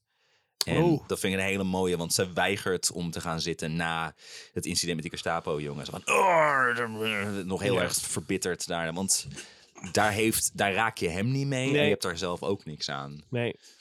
Nee, dit, dit is... En nogmaals, dat is, dat is dus de, de he- een hele mooie uitspraak. Het is een hele goede redenatie. Maar dat kunnen vervolgens, Ja, ja. Dat is een tweede. Zeggen en dat niet niet voelen. na. Dat is het meer. Ik zeg het, ja, je kan zoveel zeggen. Ja. Maar je, je, je lijf, eh, je hersenen vuren Misschien Eh, wel, ja, kan. Dus allemaal shit af. Dus, snappen, begrijpen. Nee, Ja. Oké, ja. Ze zal zeker bang zijn geweest op dat moment ook wel. Ja. Dat, dat, dat, dat neemt het niet weg. Ehm, toch is Etty ook weer niet naïef. Hoewel het haar lukt om de menselijkheid van iedereen in het oog te houden, ziet ze om zich heen steeds meer mensen afgevoerd worden naar kamp Westerbork. Ja. In maart 1942 begint ze zich mentaal voor te bereiden op wat steeds onvermijdelijker begint te lijken. Maar ze denkt dus niet aan onderduiken of zo. Nee. Ze is alleen maar bezig met eh, het goede zien in de mens. Oké. Heb je goed gezegd, Remy Galen? Ja. Oké. Quote. Als je innerlijk leeft, is er misschien niet eens zoveel verschil binnen of buiten de muren van een kamp. Zal ik deze woorden voor mezelf kunnen verantwoorden later? Zal ik ze kunnen leven? We kunnen ons niet veel illusies maken. Het leven zal heel hard worden. We zullen weer gescheiden worden, alle die elkaar dierbaar zijn. Ik geloof dat die tijd niet eens meer zo ver weg is. Men moet zich innerlijk steeds meer voorbereiden. Want dit geestelijke werken, dit intensieve innerlijke leven, heeft voor mijn gevoel alleen waarde wanneer het onder alle uiterlijke omstandigheden kan worden voortgezet. En al kan men het dan niet praktisch en in de daad voortzetten, dan toch innerlijk in de voorstelling. En misschien werkt dat dan even verlammend. De angst of ik ook onder zulke omstandigheden nog dezelfde zou zijn. De onzekerheid of ik wel die proef zal kunnen doorstaan. De houdbaarheid van dit zijn van mij zal ik nog moeten bewijzen. Wauw. Ja, Oké. Ja. heftig. De houdbaarheid van dit zijn van mij zal ik nog moeten bewijzen. Ja. Het is een beetje het verhaal van Job ook, toch? Zo van, oké, hey, eh, jij, jij, je bent ontzettend eh, fan van God en zo. Maar ja, je bent hartstikke rijk en alles gaat zo lekker. Ja. Eh, kijk of je ook nog steeds zo voelt als alles kut gaat. Hier heb je cholera. Ja. Nee, ik vermoord je zoon. Maar ik bedoel, het- huis van je af. Het, de, de interpretatie van dat verhaal is... wel- Ja, je kunt het op heel veel manieren interpreteren, want dat is in de Bijbel nou eenmaal. Maar het wordt wel vaak geïnterpreteerd als zijnde... Ja, het is makkelijk om allerlei idealen te hebben als het, als het goed met je Ja. gaat. Zoals een soort salonsocialist, zeg maar. Ja. Zo van, ah, rijke men, mensen moeten meer inleveren. Zo van, ah, jij bent relatief rijk, want je woont in Nederland. Ja. Hoeveel lever jij in? Ja. Ja, maar, ja. Dat moeten andere mensen maar doen. Relatief dan gezien, toch? Of, eh, Zeg ik als socialist trouwens. Ik omschrijf volledig mezelf. In juni 1942 worden de maatregelen ten opzichte van Joodse Nederlanders flink aangescherpt. sorry, waar zitten we nu? Eh, Juni juni 42. 42. 42. Ze mogen niet meer in groentewinkels komen. Fietsen moeten worden ingeleverd. Ja. En er geldt voortaan een avondklok van, vanaf 8 uur. Maar alleen, Dat alleen groentefonds toch van, eh, van de Joodse Raad. De- Oh, is dat omdat ze Isaac nog- Roos. Dan gaan, wordt de groente verdeeld. Oh, oké, ja. Oh, Alleen ja. dan krijgen zij de restjes. Mm, En de groene, ja. de groene gedeeltes van een bloemkool. Dat, eh, ja. Ja, dat lekkere. ja, dat gedeelte. lekkere gedeelte. Ja. Mm. Het is een superfood, toch? Ze krijgen Ja. de kers op de taart, maar dan zonder kers of taart. Ja, stil, een steeltje. Stilte. ja. Maar Etty weigert zich erdoor van haar stuk te laten brengen. Op 20 juni schrijft ze... Om te vernederen zijn er twee nodig. Diegene die vernedert en diegene Jezus, die ja. men wil vernederen. En vooral Ja. die zich laat vernederen. Ontbreekt de laatste dus, is de passieve partij immuun voor iedere vernedering. Dan verdampen de vernederingen in de lucht. Wat er overblijft zijn alleen de lastige maatregelen die in het dagelijks leven ingrijpen, maar geen vernederingen of verdrukkingen die de ziel beklemmen. Men moet de Joden daartoe opvoeden. Ik fietste laatst, eh, ik fietste langs de stadionkade vanochtend en genoot van de wijde hemel daar aan de rand van de stad en ademde de frisse, ongerantsoeneerde lucht in. En overal bordjes die wegen de vrije natuur in voor Joden versperd hielden. Maar boven dat ene stuk weg, dat ons blijft, is ook de volledige hemel. Men kan ons niets doen. Men kan ons werkelijk niets doen. Men kan het ons een beetje lastig maken. Men kan ons beroven van wat materiële goederen, van wat uiterlijke bewegingsvrijheid. Oh, maar wij zelf plegen de grootste roof aan ons. Wij roven ons onze beste krachten door onze verkeerde instelling, door ons achtervolgd, Och. vernederd en verdrukt te voelen. Door onze haat, door brani die angst verbergt. Men mag best soms treurig en neergeslagen zijn over het ons aangedane. Dat is menselijk en begrijpelijk. Maar toch, de grootste roof aan ons plegen wij zelf. Ik vind het leven mooi en ik voel me vrij. De hemelen binnenin me zijn even wijd uitgespannen als boven me. Ik geloof aan God en ik geloof aan de mensen. En ik durf het langzaamaan, langzamerhand eerlijk te zeggen zonder valse schaamte. Ik weet niet wat ik hiervan vind. Dat, had, dat, dat wist ik toen ik dit schreef. Oh. Het leven is moeilijk, maar dat is niet erg. Men moet beginnen zijn ernst ernstig te nemen en de rest komt vanzelf. Werken aan zichzelf is heus geen ziekelijk individualisme. En een vrede kan alleen een echte vrede, wo- vrede worden later. Wanneer eerst ieder individu in zichzelf vrede sticht. En haat tegen medemensen, van wat voor ras of volk ook, uitgroeit en overwint. En verandert in iets dat geen haat meer is. Misschien op den duur wel liefde. Of is dat misschien wat veel geëist? Toch is het de enige oplossing. ja. Oh, het is goed dat ze eh, dat voor zichzelf doet. Het is een, een heel geheel ander ding dat ze andere mensen gaat veroordelen op hun gedrag, hoe ze omgaan met de oorlog. Ja, is... Dat is wel een beetje uit de hoogte doen, namelijk. Ja, en, en nogmaals, voor wie schrijft ze dit? Ze Schrijft het in de eerste instantie voor zichzelf. Ja. Dus, dus Ja. in hoeverre uit ze dit naar anderen? Dat, maar is, ze dat is voelt het natuurlijk wel. één ding. Nee, maar zij ziet, eh, zij ziet de verlossing of de, de bevrijding van pijn en ellende in, in soort van accepteren en, en bekijk mensen op, op, op de individu, zeg maar. Het zijn, het zijn mensen. En, Ja. Ja. en, en laten we, als we vooral vergeven, zeggen, nou goed, hè, we- wat Je Tim kan- net omschrijft. En wat ze eerder schrijft, je kan andere mensen niet veranderen. Nee, dus, dus, dus, we, eh, dus als wij alleen maar zelf blijven denken van... oh, wat hebben we het slecht, oh, wat is het zwaar... en oh, wat wordt ons allemaal aangedaan... dan maken we het onszelf alleen nog maar zwaarder. Dat is een beetje wat zij... Zeg, het is de schuld van eh, de, dat. oeh. Het is Ehm, heftig uitgedrukt, ja, dat is zeker het is, waar. Het is, het is behoorlijk heftig We uitgedrukt, laten inderdaad. ons onderdrukken en zo. Dat zijn best wel. eh, Maar het is wel iets wat, wat voor uitspraken. haar werkt... Mhm. en waardoor dus zij denkt... Als, ja. dan, dan kan het voor anderen ook Ja, werken. Ik weet natuurlijk dat het haar dagboek is en dat het niet voor buitenstaanders te lezen is. Maar het is wel Ja. iets wat ze echt. wat voelt. zij zo Ja. voelt. Ja, Ja, ja, ja, zeker. zeker. En, een- en we hebben, ik weet niet of er een verslag is van haar gedragingen door getuigen. Of het werkelijk alleen maar uit haar oogpunt is geschreven. Wat je nu gaat eh, vertellen. Nou, ik, ik denk dat, dat er, lo- ik denk dat er los Ja. van staat of andere mensen, of, of ze dit überhaupt naar anderen uit. Dit is wat zij voelde en dit is wat Mhm. ze zo heeft omschreven. En ja, inderdaad, ik, ben- ik ben het met je eens. Het is heftig dat ze andere mensen veroordeelt, want dat is eigenlijk wat ze Ja. dan doet, zo, hoe ze daarmee omgaan.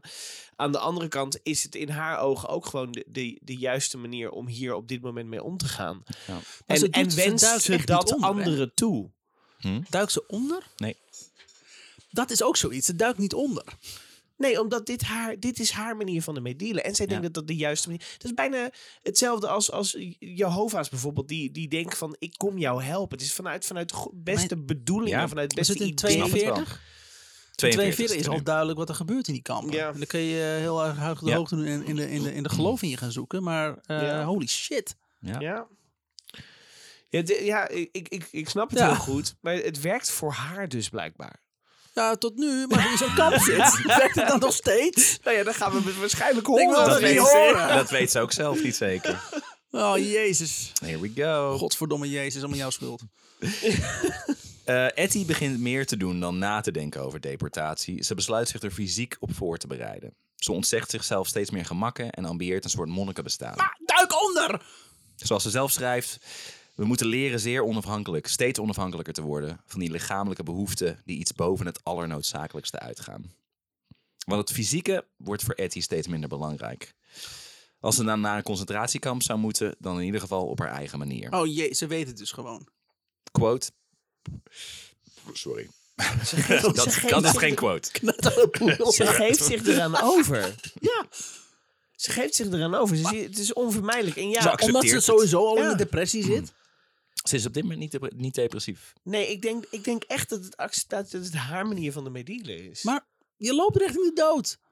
Ja, maar dat is, dat, dat, zij is mentaal daar oké mee. Of in ieder geval, ze gaat op haar manier proberen te overleven.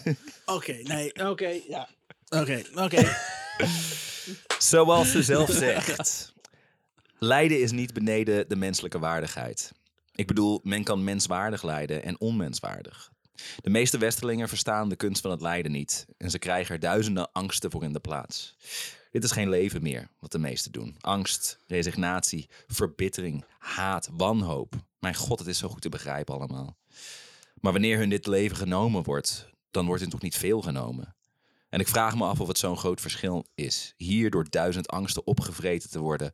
Of in Polen door duizend luizen en de honger. Men moet de dood accepteren als bij het leven behorende. Ook de vreselijkste dood. Nou, ja. je, martelaarschap. Als ze zich daarop opwocht voor een religie waarin zij eigenlijk de enige gelovige is. Want in haarzelf. Nou, is zij de enige gelovende daarin? Want ik bedoel, vrijwel alles wat ze zegt vind je in alle andere geloven terug. Zij behoort niet bij een kerk of iets. Nee, eh, ze hebben, of zij, zij hoort bij de kerk van zichzelf. En het is alsof ze zich gaat voorbereiden op het feit van het martelaarschap van zichzelf. Een kruisiging van Jezus, maar Jezus is zij. Ze ziet het ook als, als iets onvermijdelijks. En wij weten inmiddels, nu in hè, 2023, Ja, het uitzichtloze waar zij in leeft kan ik me niet voorstellen, want ik weet dat het een einde heeft. Oké. en dat mensen het Maar- redden. En ja. De, de algehele acceptatie van, de naderende, van het naderend lijden. En dan kun je zeggen van, eh, in je, kun je in je boek mooi opschrijven dat iedereen daarvoor kiest. Maar de onmenselijkheid in zo'n kamp, dat, eh, wat inmiddels bekend is, Ja, ja. mijn hemel.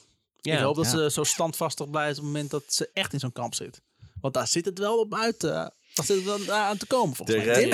er zit, Dus dit dat is niet een verhaal buitenland met waar je het over had aan Ja, het eind. Ja, oké. Oh. Dat wilde je toch zo graag, Sjors? Nee, laat maar. Tot volgende week! Nee, dit is omdat Sjors dit wilde. Tijd voor de vrolijke huishoudelijke mededelingen. Want ze redt het namelijk uiteindelijk, maar ik heb het nu herschreven Ja. voor Sjors. Voor Sjors, Omdat ja. hij naar het buitenland wil. Ze gaat naar wil het- niet meer hetzelfde. Ze gaat naar het beloofde land. Polen. Polen is voor niemand het beloofde land. Zelfs voor Polen Zelfs niet. nee, Oh, nee. daarom komen ze hier. Ja. Eh, stukje Jolijt. Fijn. Oh. Een, een oase. Een oase van Grolaria. En dan gaan we weer. In juli 1942 krijgt Etty een baan als administratief medewerkster bij de Joodse Raad. Oh. De Joodse organisatie die in opdracht van de Duitsers de Joodse gemeenschap in Nederland moet besturen. Ze heeft hier niet actief naar gezocht. Haar broer Jaap heeft voor haar bemiddeld, omdat medewerkers van de Joodse Raad niet op transport worden gesteld. Althans, voorlopig. Ja, dat hebben we geleerd in Abraham. Isaac Ik en het zeggen, dat is toch Ja. met... eh, De, de broer probeert er te beschermen. Zeg Ja. maar. Dus is het die eh, gekke pianist? Of is Nee, dit is broer? Jaap. Jaap is arts. Dus die heeft waarschijnlijk ook wel wat contacten. Dat weet Ja. ik zo snel even niet. Ehm, mm, mm, mm. ze, komt uiteindelijk, eh, ze komt uiteindelijk terecht op de afdeling Sociale Verzorging Doortrekkenden in kamp Westerbork. Etty wordt nu direct geconfronteerd met de realiteit van de kampen. Ja. En hoewel ze Westerbork omschrijft als de hel en ze weet dat ze er uiteindelijk zelf terecht zal komen, doet het haar niet wankelen in haar geloof. Quote: Ik werk en leef door met diezelfde overtuiging en vind het leven zinrijk, toch zinrijk. Al durf ik dat nauwelijks meer in gezelschap te zeggen. Het leven en het sterven, het lijden en de vreugde, de blaren aan de kapotgelopen voeten en de jasmijn achter mijn tuin, de vervolgingen, de ontelbare, zinloze vreedheden, alles en alles. Het is in me als een krachtig geheel en ik aanvaard alles als een geheel, als een geheel en begin steeds beter te begrijpen. Zomaar voor mezelf, zonder dat ik het nog aan iemand zou kunnen uitleggen hoe het alles in elkaar zit. Ik zou langer willen leven, om het later alles toch nog eens te kunnen uitleggen.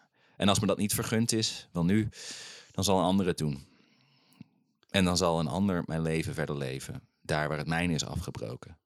En daarom moet ik het zo goed en volledig en zo overtuigd mogelijk leven tot de laatste ademtocht, zodat degene die na mij komt niet, niet helemaal opnieuw hoeft te beginnen en het niet meer zo moeilijk heeft. Ja. Ja, ze, ze zet gewoon door. En, ze, moet- en het is Zet waarschijnlijk harder werken. Zet ze door. Nou, het voelt ja. als een, uit uit een uitgestelde zelfmoordactie. Ja, ik weet toch wel dat ik aan de beurt kom. Dus, eh, Ja, maar dat doet ze de hele tijd al. Ja. Ze, ze, ze- ze is de hele tijd al bewust van het feit dat ze zo Ja. meteen in een concentratiekamp komt en dat ze doodgaat. Dus ze zichzelf op een gegeven maar is moment ze, is ze voorbereiden aan het doorzetten Ja. of is ze gewoon aan het afwachten? Ze, ze, ze wacht Ze is af en in de tussentijd probeert ze aan het te voor te genieten van het bereiden. Ja, ze probeert zich spiritueel, mentaal, ook nu lichamelijk erop voor te bereiden. Ja, oké. Ja, luister. Ja. Ik zou het ook niet kunnen hoor. Nee. Nee, nee. Absoluut niet. Maar ik dus weet- ik, ik- snap ik- jou, je, je onbegrip. Maar het, Ik het zit is... op de rand van, heb ik hier nou begrip voor of begrijp ik het gewoon helemaal niet? Nee. Nee, snap ik. Nou, eh, wat helpt, en dat wordt volgens mij later in het verhaal ook nog wel duidelijk, maar dat kan ik op zich nu wel zeggen. De manier waarop zij steeds meer naar de wereld, de mensheid, God, hoe je het dan ook wil noemen, eh, kijkt, is. Het goddelijke in iedereen is, het, is onderdeel van hetzelfde ding. En het is iets wat je, wat je ook bijvoorbeeld in het hindoeïsme eh, Ja, terugvond- terug, eh, terugvindt. Ehm, en het is iets wat ze bijvoorbeeld mensen die, eh, eh, ehm, ehm, wat is het woord, god, terminaal zijn. Die worden tegenwoordig steeds vaker behandeld met psychedelics, zeg maar, mushrooms, psychedelische LSD. ja. En wat heel veel mensen daarna zeggen na zo'n behandeling is: eh, mijn dood voelt nu niet meer zo erg, want alleen ik ben er straks niet meer. Maar hetgene, het, het, het belangrijkste in mijzelf is onderdeel van deze wereld en van iedereen. En dat leeft verder. Dus het maakt een stuk minder uit. Het is niet de apocalyps. Nee. Niet alles stopt, alleen ik stop. Ja, het gaat toch Heb je daar LSD voor nodig? Ja. Veel mensen wel. Ja. Want ik bedoel, het is nogal iets om inderdaad om te accepteren. En eh, Ieder, ieder mens moet het doen. Ja, Uiteindelijk. Tenzij je inderdaad gewoon eh waps door een bus wordt eh geschept. Dan hoeft dat niet. Nee, Dat scheelt. Ga je ook dood. zou ik vanavond eten? Bats! Blammo. Ja, ja. het is... Ik, ik, ik, ik, Dus vandaar ook heel je? erg het idee van... ehm, Het, het klinkt, het klinkt een beetje als een eh fanatici. Gewoon iemand die heel erg fanatiek in zichzelf gelooft. Maar daardoor misschien ook een beetje de realiteit het oog verliest. eh, nou ja, in zichzelf gelooft. In, in, het, in, het, ja, in het universum, God, hoe je het dan ook wil noemen, gelooft. ja, ik Inderdaad, zie het heel toch erg, ook nog ja. steeds meer als een overlevingsmechanisme. En daarom kan ik het ergens Ja. ook niet veroordelen of zo. Of De, wat de vraag voordelen is die- ik begrijp het inderdaad... niet. Nee, ja, ja, ja. Dus, dus maar heb ik ook zoiets van, ja, zij, dit, dit is gewoon haar manier van, van dealen met wat de fuck er om zich heen Ik weet hoe het gebeurt. verhaal gaat aflopen, maar ik wil dat niet. of dat ze het overleeft. Toch een psychiater, zorg voor jezelf. Ja, In Westerbork Ja. probeert ze haar Joodse lotgenoten die wachten op transport naar Polen zo goed als ze kan te helpen. Vanwege haar uitzonderingspositie mag ze vrij het kamp in en uitreizen. Ze kijkt al snel met een totaal andere blik naar het leven in Amsterdam. Eh, hoewel zij en haar huisgenoten vanwege de oorlog en de maatregelen steeds minder te eten hebben en haar gezondheid achteruit gaat, geeft ze niet toe aan zelfmedelijden, maar leert ze de kleine dingen die ze nog heeft juist koesteren. Zoals ze schrijft, Ieder schoon hemd dat je aantrekt is nog een soort feest. En iedere keer dat je nog met geurige zeep wast in een badkamer, die voor dat halve uur helemaal van jou alleen is, Net of ik al bezig ben een voortdurend afscheid te vieren van al deze voortreffelijkheden der beschaving. En als ik daar later niet meer in deel, zal ik toch nog weten dat ze bestaan. En dat ze het leven veraangenamen kunnen. En ik zal ze prijzen als een van de goede hoedanigheden van het leven. Ook al vallen ze mij niet meer ten deel. Want dat het nu toevallig mij ten deel valt, daarom gaat het toch niet? Zoals je hoort identificeert Etty zich gaandeweg steeds minder met haar eigen ego. Dat begrijpt lang niet iedereen, Remy. Sommigen zijn zelfs Ah, you. ronduit verontwaardigd. ja. Quote. Velen verwijten mij onverschilligheid en passiviteit en Ja. zeggen dat ik me zomaar overgeef. En zeggen, ieder die uit hun klauwen kan blijven, moet dat proberen. En is dat verplicht. En ik moet iets doen voor mezelf. Dit, dit is een sommetje dat niet opgaat. Iedereen is op het ogenblik namelijk bezig iets voor zichzelf te doen, om er onderuit te komen. En er moet immers toch een aantal, een zeer groot aantal zelfs, gaan. Men wint zich dikwijls op wanneer ik zeg: Het is toch niet essentieel of ik ga of een ander. Hoofdzaak is toch dat er zoveel duizenden gaan moeten. En het is niet zo dat ik regelrecht mijn ondergang in de armen zou willen lopen met een gelaten glimlach. Ik wil niet uit een soort masochisme beslist meegaan. Maar ik weet nog niet eens of ik me prettig zou voelen als ik verschoond bleef van datgene wat zoveel moeten ondergaan. Oké. Dus ook een beetje van wat, wat, wat maakt mij beter dan andere mensen? Waarom zou ik het mogen overleven terwijl zoveel andere mensen Ja, daar lijden veel Joden sowieso aan. niet? Die ook de oorlog hebben overleefd. Waarom ik wel en de rest niet. Survivors Guild. Ik heb Ja. wel eens iets, ik heb die quote nog proberen te zoeken, maar ik weet bij god niet meer waar ik het in heb gelezen, jaren, jaren terug. Maar i- een, een Holocaust-overlever, dus echt iemand die in de kampen is geweest, maar het heeft overleefd, die zei van eh, de beste onder ons. Wij, de- wij, wij leven allemaal, wij moeten allemaal leven met het idee dat de beste onder ons daar zijn gestorven. De Ja. mensen die het meest andere mensen wilden helpen en, en Ja. eten deelden met andere mensen, die redden het niet. Ja, Bram Gisteren komt ook naar voren. Ik wou het zeggen, dit heb ik Ja. ook eerder gehoord volgens mij. Maar dat doet er niet toe. Ja, het kan Eh, niet meer wat. Het is ook het, het- begin even van die quote, want op het einde gaat het dus over waarom. Mhm. Maar ook het begin gaat heel erg over dat vieren. Het is op een gegeven moment ook volgens mij vooral vieren van het leven, niet zozeer vrezen voor de dood. Ja. Dat, dat heel erg. De dingen die ze nog wel dus heeft. Er is, er is een passage waarin Veel ze... meer bezig zijn met waar haal ik eh, plezier uit en wat fijn dat dit er is. In Ja. plaats Ja. van wat jammer dat het er straks niet dat, ik- dat ik daar straks niet meer van kan genieten. Ja, ze heeft één passage waarin ze ineens... Ze krijgen een mandje kersen uit de Betuwe via, via een aantal vrienden. What, whatever, dat hebben ze ineens. Terwijl ze... Het is al niet meer naar de groentewinkels en alles is op de bon en weet je wel.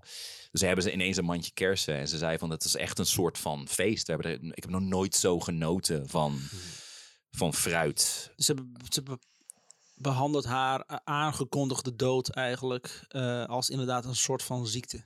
Ze weet dat het eraan komt. Alsof ze terminaal is. Ja. Ja, ja. Ja, onvermijdelijk. Ja, althans. Zo denkt ze. Zo, ziet, zo, denkt ze. voelt ze Ja. het wel. Ja. Ja, ja, ja. Het zijn dit soort uitspraken waardoor sommigen binnen de Joodse gemeenschap met gemengde gevoelens tegen Etty Hillesum aankijken. Ik begrijp het ook wel. Als je zelf alles aan doet om te overleven. En er zit iemand lekker in zichzelf te geloven. En, en, en te wachten totdat ze doodgaat. Nou, en dat dus, is, dan denk ik, ja, fuck jou. Ja, en, ja, en en dus- bepaalde uitspraken Ja. klinken inderdaad alsof ze oordeelt over die mensen. Ja, ze, Ja. oordeelt, ze oordeelt over die mensen, maar ze houdt het in de boek. En ik weet niet of ze het zelf uitspreekt, maar ze oordeelt wel. Ze oordeelt ook wel met het idee van ik begrijp het allemaal heel erg. En die mensen zijn niet slecht of wat Ja, er is niks ergers dan iemand die zo oordeelt.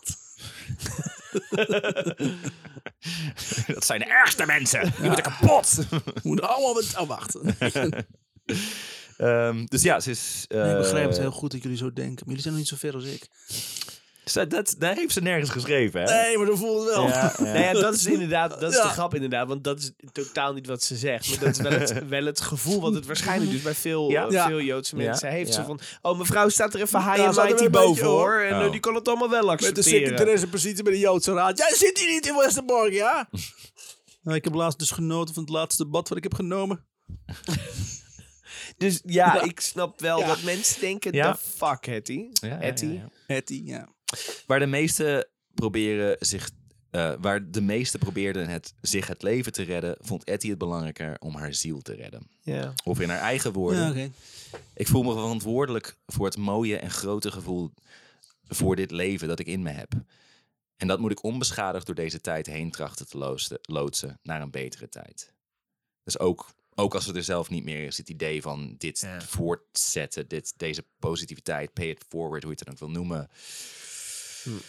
Dit is belangrijker dan, eh, Ja. dan overleven en daarna heel erg eh, ja, eh, verbitterd eh, Palestijnen onderdrukken. oh!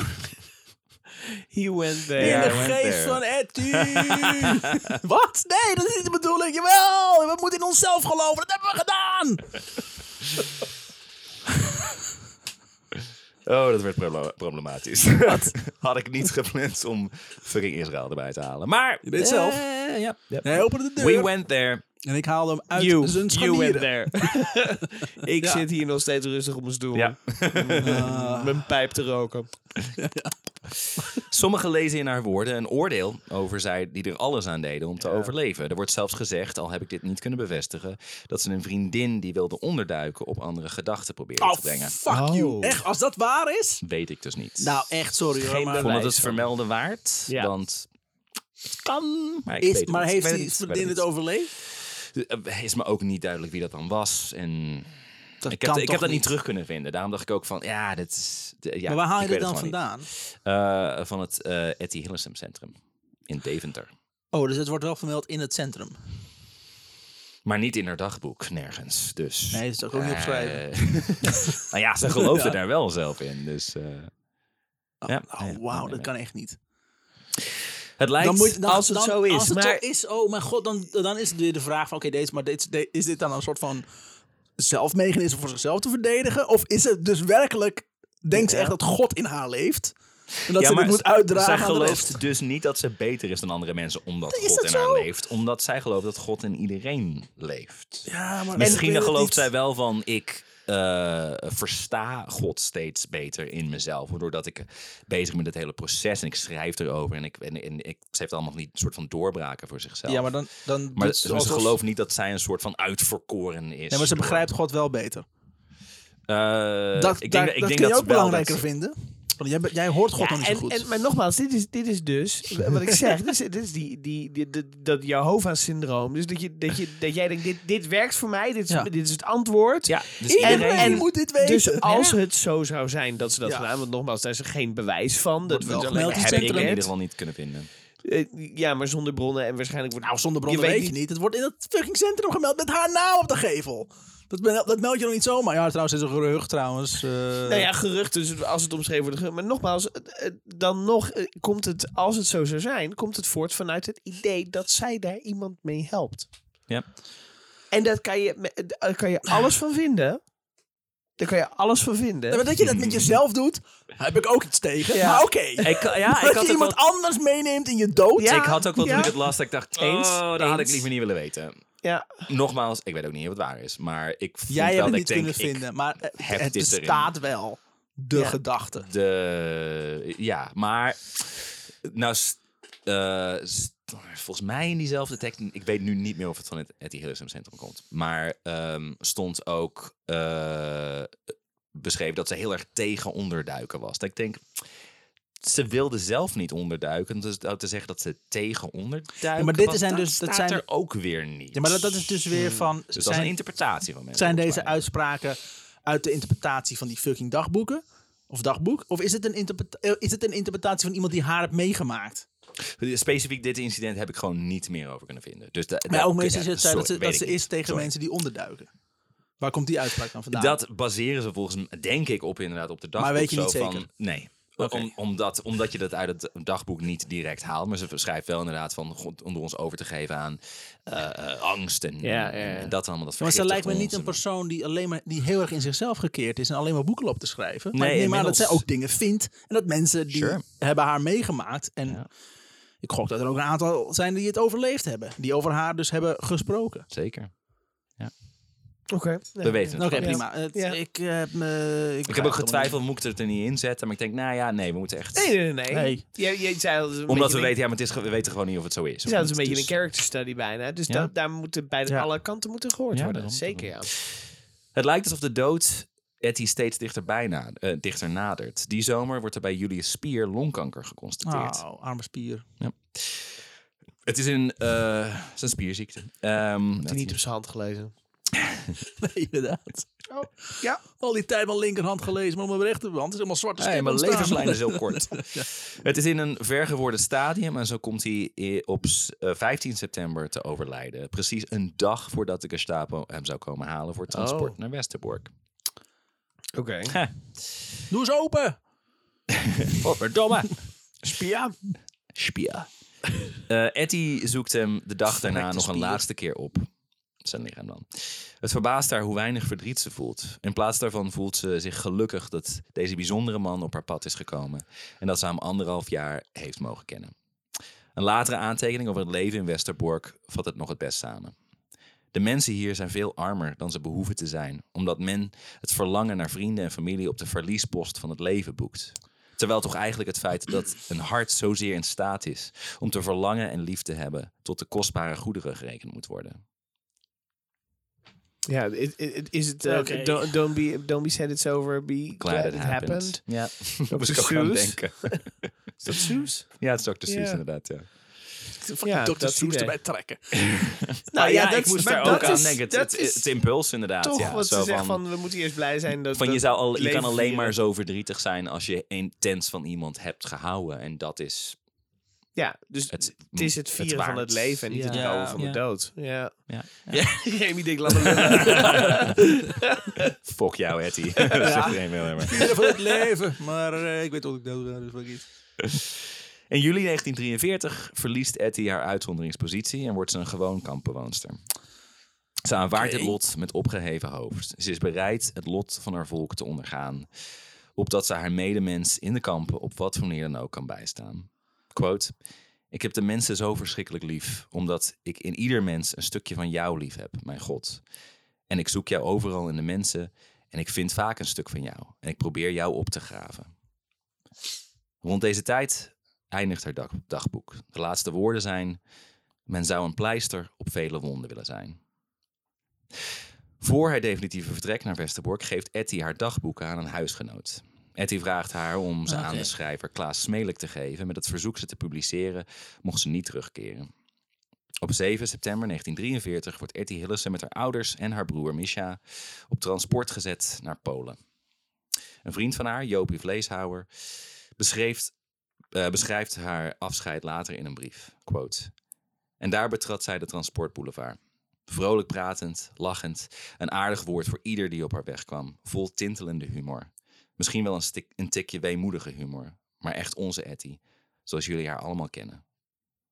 Etty Hillesum komt op 30 november 1943 op 29-jarige leeftijd om in Auschwitz. Ah, dat is die jongen. Etty's ouders zijn of tijdens het transport omgekomen of meteen bij aankomst vermoord. Volgens Ja. het Rode Kruis is Misha op 31 maart 1944 omgekomen, ook in Auschwitz. En die andere broer? Eind september 1943 belandde ook haar broer Jaap in Westerbork en werd in februari 1944 naar Bergen-Belsen getransporteerd. Hij overleed tijdens een gevangenentransport in 1945. De laatste woorden van Etty vinden we op een briefkaart die ze door de kieren van haar veewagon had geduwd en later is gevonden en opgestuurd door een, broer, eh, door een boer. Ze schrijft: We hebben zingend dit kamp verlaten. Schrijver Klaas Smelik probeert in de jaren 50 Etty's dagboek uit te geven, maar vindt hiertoe niemand bereid. Mogelijk vanwege de openhartige manier waarop Etty over haar seksleven schrijft. Oh, dat is het probleem. Ja, jaren 50, ja. ja. In 1981 wordt het dagboek alsnog uitgegeven, onder de titel Het Verstoorde Leven. Sindsdien zijn haar woorden door mensen over de hele wereld ontdekt. Etty Hillesum wordt vaak in, een adem, in één adem genoemd met Anne Frank, al is Etty ouder en, zoals genoemd, ook wat controversiëler. Die controverse Ja.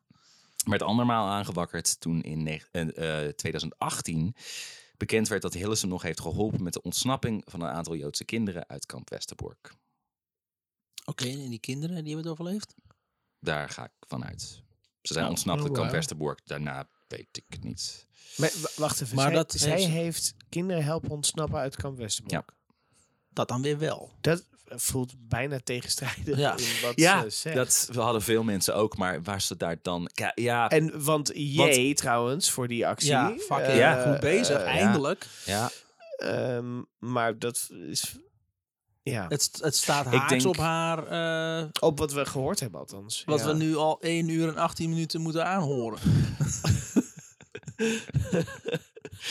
Sorry dat ik je zoveel naast de liefde heb aangedaan, Remy. Ik Nou, weet- naast de liefde. Ik, eh, was het naast de liefde? Ja, ik, ja, dat is wel hoe ik, het, hoe ik het lees in ieder geval. Ik denk dat zij, want het is makkelijk om, om te denken zo van, oh ja, het, is het, het, het, het, het eh, onderschatte Westerbork heel erg. En op het moment dat ze daar kwam, dacht ze, oh mijn god, iedereen moet hier weg. Maar ze heeft ook nog dingen in Westerbork geschreven die ik vanwege tijd en andere redenen dus hier niet heb. Maar daar waaruit blijkt dat ze echt wel aan het geloof heeft vastgehouden. Niet ineens in paniek is geraakt en, oh mijn god, ik doe Nee. nog een grote vergissing. Dat verwacht ik ook niet. Eh, Ehm, maar wel.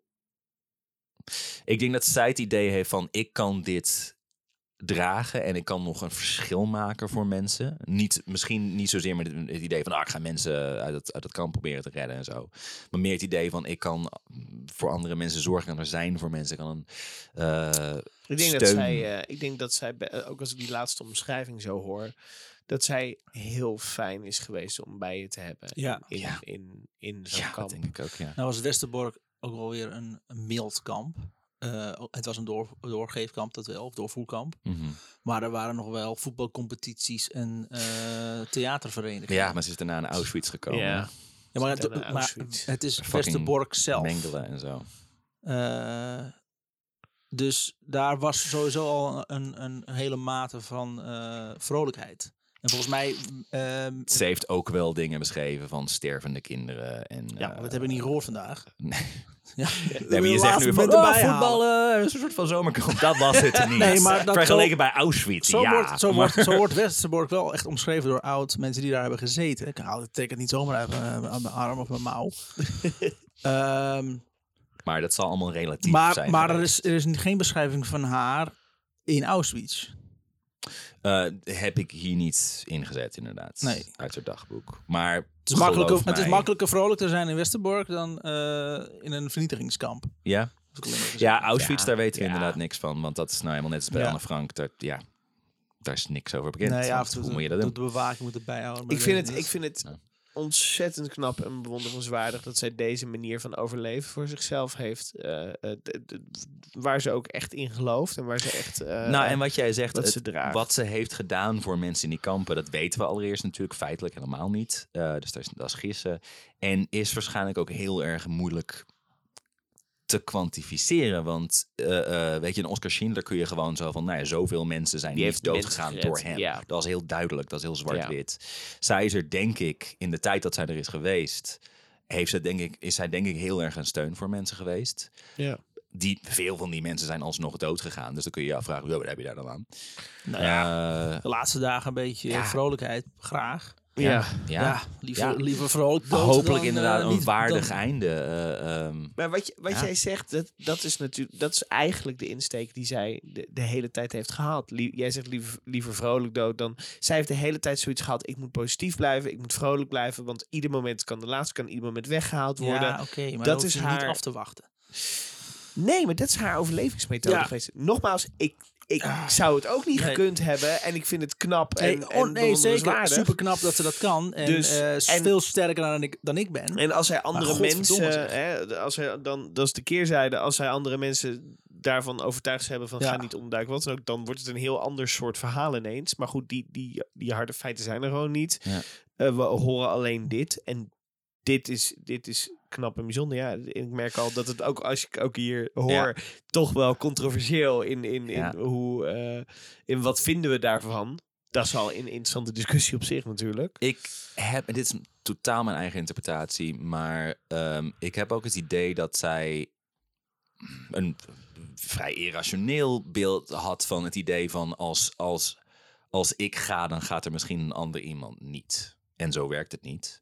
Maar ook met ja, het idee dat van... dacht ik ook een beetje uit die quote halen. soort van, nou ja, als ik dan ga, dan, dan ik ben toch niet minder waard. Of ik ben er niet meer waard dan een ander. Martelaarschap. En, en, en het idee van ik kan daar kan ik het meeste betekenen voor mensen. Door en, dood te en, gaan, ja. En nou ja, nee, om voor die tijd inderdaad hun andere. Hun, hun Ja, als ik ga, dan gaat lijden ik, ik neem de plek in van iemand anders die anders op mijn plek had gestaan. En, maar ook wat ik zeg, ik- ik kan daar ook mensen bij staan, inderdaad, voor zover ik dat nog kan. En, ehm, en dat vind ik belangrijker dan hier, dan hier mezelf redden. En ja, Het is een conflicterende gedachte dan. Want aan de ene kant jezelf wegcijferen, maar aan de andere kant ook weer eh, jezelf belangrijk maken dat je een plek inneemt en toch weer mensen kan helpen. Het is echt heel Ja. dubbel. Maar ja, haar leven en ups en downs waren dubbel. Ja. Nou, het, het boeddhisme, om dat daar maar weer bij te trekken. Maar nogmaals, heel veel van wat ze schrijft eh, komt wel overeen met andere geloven. En, eh, ehm, Het is, dat is wel elk geloof toch? Elk geloof komt overeen met een ander ja, geloof. nee, absoluut Ja, Het overlap. is allemaal één grote onzin. Het zijn vaak de mythen inderdaad die, eh, die totaal verschillend zijn. Maar de, de, de, de core mm, boodschap. Maar ehm, in het boeddhisme geloven ze heel erg in, in de middenweg. Dus al, als er iets op je pad komt waar je, wat je liever niet hebt... dan kun je daar keihard tegen gaan verzetten. Of je kunt denken zo van, ah, dan geef ik me er maar aan over... en alles is toch zinloos. Mer. En de middenweg daartussen is een, is een beetje het, het, het accepteren... zonder het je te laten vormen. En ik denk dat ze daar heel erg mee bezig was. En het is jammer dat ze niet ook is ondergedoken. Ja, want dat het een sluit het ander niet uit. Je had het ook kunnen Ja. accepteren en uit de weg kunnen gaan. Dan had ze nog veel gekund. meer mensen Ja. kunnen helpen Ja. voor de, de rest van de leven. Ja, ik bedoel... Ja, en, en nogmaals, eh, ik denk dat ze misschien ergens ook heeft gedacht van... we gaan er allemaal aan. Ja.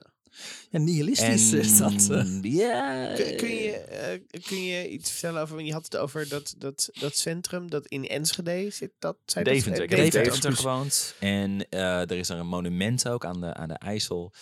Eh, dat heet ook volgens mij het verstoorde leven. Ehm, en ik ben een paar keer langs dat centrum ook gelopen. Zo Van wie, nou, wie is Etty Hillesum? Dan ga je dat toch Ja. opzoeken. En ik weet niet meer hoe ik er uiteindelijk bij ben gekomen om haar dagboek te gaan lezen. Maar dat was jaren geleden. En eh, ik was op dat moment ook heel veel bezig met eh angstklachten en depressie en dat soort dingen allemaal. En zeker het, het begin van het dagboek is echt één op één mij. Ehm, en eh, de, sommige van de inzichten die ze later heeft gedaan, heb ik ook gedaan. Ik ben niet zo spiritueel eh, ingelegd. En zeker wat ze later allemaal doet, zou ik absoluut niet kunnen. Ehm, maar ik vond het ontzettend relatable. Ik, ik had heel erg veel met haar. Ze is grappig ook bij vlagen. Dat heb ik, is hier niet per se heel erg uitgekomen. Ik moest heel erg. Ik vond het heel moeilijk kiezen van wat ga ik er allemaal wel en niet in doen. Dat hoeft ook weer niet drie uur te duren. Maar ik vind het heel mooi dat, dat er hopelijk nu hierdoor eh, meer mensen weten wie Etty Hillesum was. Oh, dat zeker. Ja. Zeker En- op en, 28. Ja? En het verstoorde leven, het dagboek is gewoon op bol.com te vinden en zo. Ja. En, eh, zeker het lezen waard. Fascinerend persoon. Dit is onze 5 mei aflevering. Ja. ja, Nou, dank, dankjewel Tim. Dankjewel, Tim. Ja. bij deze. Ik vond het zeker een interessant verhaal. Ja, Ja. super intrigerend. Mhm. Eh, maakt ook veel los. ja. Eh, ja. Je zit echt ook al een uur met je armen over elkaar. Zo. ja, maar ik, Nee. ik, ik, ik zou alleen maar eh, Ik snap eh, het, zoveel ik snap mogelijk het. mensen willen beschermen. Ja. En weg, weggaan. Bedoel, waarom... waarom Daarom het- vind ik maar dit zo'n interessant verhaal. Het is, het is inderdaad, als, je een, als er een vloedgroep over je afkomt en één iemand blijft gewoon staan. Die denkt, ja, fuck it, ik ga toch dood. En anderen proberen toch hoger op te komen om te overleven. Wetende dat dat de kans bestaat dat je doodgaat. Er is zo'n ehm, metafoor, geen idee waar deze vandaan komt ook. Ehm, heb ik vast een keer in een film gehoord, whatever. Maar Ehm, ja, zeker. Ja, ja. Die Exorcist dat deze volgens mij. Nee, ehm, de, metafoor van een, een kind op het strand die eh, aangespoelde zeesterren in, in, weer terug in zee aan het gooien is. En dat iemand zegt zo van, ja, maar waarom, waarom doe je dat? Want er liggen er iets van duizend en je kunt er misschien maar iets van twaalf weer in het water gooien voordat ze doodgaan. Dus, da- dus dan maakt dat niet uit. En dat het kind zegt, ja, maar voor die twaalf maakt het heel veel Ja. uit. Dus en ik moest daar veel aan denken, omdat, ja, hoeveel verschil kunnen ze, kan ze nou echt hebben gemaakt in Westerbork en? Auschwitz? Nee, weet ik niet. Ehm, zo van, ja, hè, hoeveel verschil maakt dat nou echt vergeleken met een, met een walraven inderdaad. eh, van Hal eh, met een Oscar Schindler inderdaad. Eh, dat je denkt, ja, maar hoeveel, hè, ze heeft zichzelf opgeofferd. En wat hadden die mensen daar nou helemaal aan? Nou ja, die paar mensen die ze wel, waarvoor ze er wel is geweest, daar is het enorme, ja. dat- dit Maar zou het world. ook kunnen zijn voor mensen door die dan te helpen Ja. verder te leven? Snap ik, ja, ja.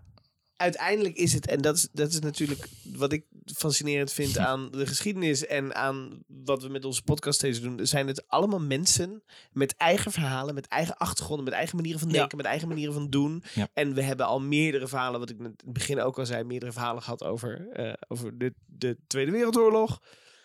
Ehm, ja, en dat vind ik fascinerend, want iedereen dealt ermee op zijn eigen Ja. manier.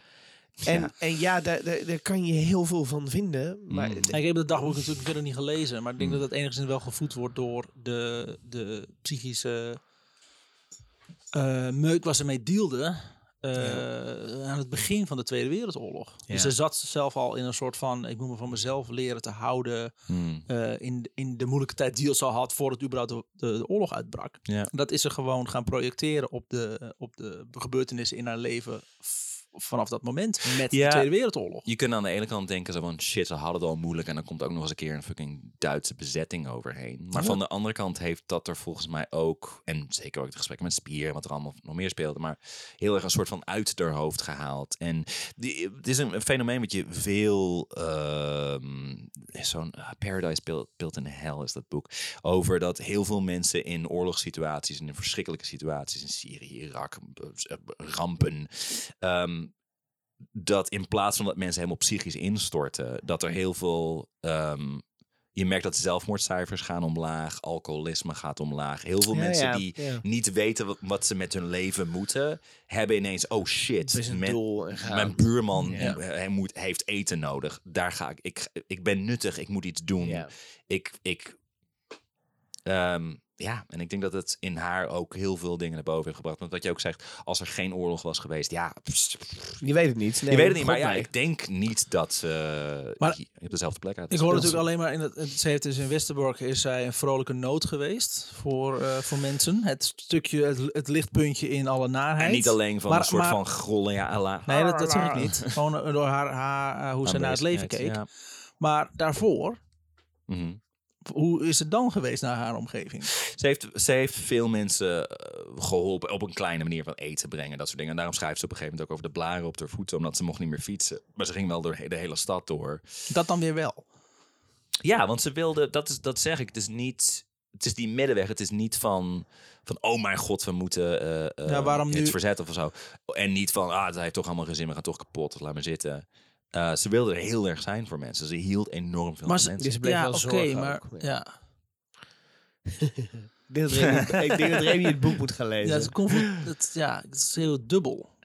Want aan de Ja. ene kant wel Ja. vinden, zeggen, ja, het, het einde nadert, dus... eh, Het is heel dat, niet dat, is nu eenmaal, dat is nu eenmaal een ding. En ja, Wel- dat, wel- dat, als dat eraan komt, prima. Maar dan wel, oh je hebt honger, nou dat moeten we oplossen. De, de, de westerse kapitalistische samenleving is heel erg geënt op. Wij moeten allemaal vooral allereerst ervoor zorgen dat wij zelf oké zijn. Zeg Ja, maar maar je- Iedereen moet voor zichzelf zorgen, dan komen we uit bij het best. Dat is letterlijk kapitalisme. Ja. En eh, volgens mij zien we langzaamaan dat het niet heel goed werkt. Ehm, We zijn er allemaal nog. ik zeg niet dat Etty Hillesums voorlopig. Nog 50 jaar. Ehm, d- dat, eh, ik zeg niet dat Etty Hillesums eh, lifestyle zeg maar, het enige antwoord daarop is. Maar wel, eh, ja, het, het is voor ons heel moeilijk te bevatten. Omdat wij vooral zijn van, we moeten vooral voor onszelf en voor, de, voor onze naasten zorgen. Ja. Ehm, En als we daarna nog een, een, een- nog een beetje Is dat compassie? Is over dat hebben, dan gewoon- kunnen we voor andere mensen Is zorgen. dat ook. Maar, kapitalistisch? Ja, Hoezo? ik denk dat het westerse kapitalistische, ehm, individualistische. eh, in Azië zie je het bijvoorbeeld veel minder. Daar is het veel, veel meer van je moet voor je gemeenschap en voor je familie. Maar dat is nou gewoon één grote eh, familie. Dat is dan toch eigenlijk hetzelfde idee? Alleen, Ja, de, maar de groep is wat groter. Ja, en familie is ook niet per se zo van oh, mijn kinderen en mijn, en mijn, vrouw bijvoorbeeld. Het is ook heel erg van je, je, je extended family. En ze, ze, in Thailand duidt iedereen elkaar aan als, als broer en zus. Ja. En ik zeg niet dat Thailand een, een, een utopische samenleving is. Maar dat is zeker niet waar. En het kapitalisme is daar ook behoorlijk uh, binnengedrongen. Maar ehm, ja, wat ik zeg, het is, het is moeilijk voor westerse mensen, denk ik, om dit te begrijpen. Ook voor mij. Ehm, eh, omdat het niet in onze aard ligt. Het gaat een soort van tegen. Het heeft denk ik niks te maken met kapitalisme of westers zijnheid. Maar echt een religieus. Het is echt een religieus iets. Ja, ze hield wel van mensen, hè? Dus dat, Enorm. Dat, Ja. dat, Enorm. dat, en daarom is het. Ze deed het ook uit de goedheid van haar hart, doen prima. Natuurlijk. Dat, Maar ja, ik geloof dat we er nooit zo lang hebben nagepraat. over dat. Nee, nee. Ik dacht ook in van, hoe kut moeten we afronden. Maar ik vind het ook wel heel interessant dit. Ehm, ik denk dat- Mensen, ik denk stuur ons, stuur ons even Ja. berichtjes. Wat vinden jullie hiervan? Ja, dat is wel een goeie. ja. Was Etty wat gewoon een beetje jij- want dit is naïeve dit is Oké, maar dit is natuurlijk wel een verhaal eh, die echt haak slaat op onze de rest van onze aflevering. En dat is natuurlijk goed. Daarom twijfel Maar ik wat, ook. maar wat eh, heb je zelf uit het verhaal gehaald toen je dit zo vertelde aan ons? Want ik neem aan dat je ook niet precies wist hoe wij zouden reageren. Eh, nee. Woordgrap, dat is niet voorkomen. Eh, ja, ik vond het heel. Ik was heel. Ik, ik, ik heb het hier destijds toen ik eh, het dagboek heb gelezen, probeer, heb ik het met een aantal mensen hierover proberen te hebben. Maar het is moeilijk om te zeggen zo van, nou echt heel gaaf wijf en eh, ja, ze is zomaar vrijwillig de, de Westerbork ingelopen. Dat je denkt, ja, dat klinkt heel dom. Dat je denkt, ja, Ja. wacht even, ja, shit, ja. Het is genuanceerder dan dat. maar- Ja, je moet een beetje de gedachtegang die eraan vooruitgang gaat. Dus daar heb je even de tijd voor nodig. En die Ja. hebben we bij deze genomen. Dus dat vond ik heel interessant om dat eindelijk een keer te doen. Ja, Ehm, ja, ik vond het heel interessant om te horen. nou. Ja. En ja. Ja. Ja? Het is, het is moeilijk om nu te pivoten naar de Huishoudelijke mededelingen. Helemaal niet zo moeilijk. hè? Gewoon- Want ja, lieve mensen, dat doen we ook nog steeds. Allereerst inderdaad huishoudelijke mededeling. Laat ons even weten wat je, wat je vond van, eh van Etty. En of je daar een, een idee hebt of een mening. Vinden we alleen maar interessant om te horen. Dus, eh, dus gooi dat eh, onder onze social media post. Stuur het ons privé. Mag ook. Vinden we tof. Daarnaast ga naar vriendvandeshow.nl en word een goede oude dibbes. Dat kan je doen door een donatie te doen. Dat kan eenmalig. Dat kan iedere maand. Dat kan één keer in het jaar. En dan kun je bonusafleveringen luisteren. Je kan daar bronnen vinden. En eh, je kan ons berichtjes sturen, spraakberichten enzovoort. Dan mag je ook nog even een 5 sterren rating achterlaten. Ja, ja, je hoorde me Ja. goed. 5 sterren rating. Vijf niet minder. niet sterren. minder. Op eh, Spotify, Stitcher, Apple Podcast eh, enzovoort. Zeg tegen mensen dat dit een toffe podcast is. Dat je dit moet gaan luisteren. Want Waarom zou je dat niet meer- doen? We willen gewoon Waarom? meer Dat, luisteraars. dat heb je, Ik, geef eh, mij één goede reden waarom je ons niet zou aanraden. Maar echt. Nee, maar echt. Ja, ik denk dat er meerdere redenen bedenken zijn, maar dat maakt niet uit. Naast, naast Remy, geef me één goede reden. Nee, weet je wat? Naast. Nee, laat maar. Geef ons geen reden. En zeg gewoon dat mensen moeten luisteren. Ehm, En geef En- ons tips, want ik ontvang eh, Ja. nu via Facebook Graag. van Belgen. Hè? leuk. Ze bestaan nog. Dat we die mensen Tips niet hebben weggejaagd. over... Nee, dat is waar, toch? Ondanks het feit dat we ze niet erkennen. Nee. Als. Provincie. Ja. Eh, ook tips van voor verhalen en zo. Dat is eh eye-opener. Fijn, leuk. Oh, en eh, dit, was, eh, dit was dus onze, onze eh 5 mei aflevering. Ja. Onze bevrijdingsdag aflevering. Dat betekent dat we aankomende maandag er even niet zijn. Klopt. eh, Maar de week daarna gewoon wel weer. Ehm, dus lieve luisteraars, lieve dibbessen, dank jullie wel. En tot Tot over, iets Over meer dan een week. volgende week maandag. Tot over Maandag. tien dagen. Ja. Ja. Tot dan.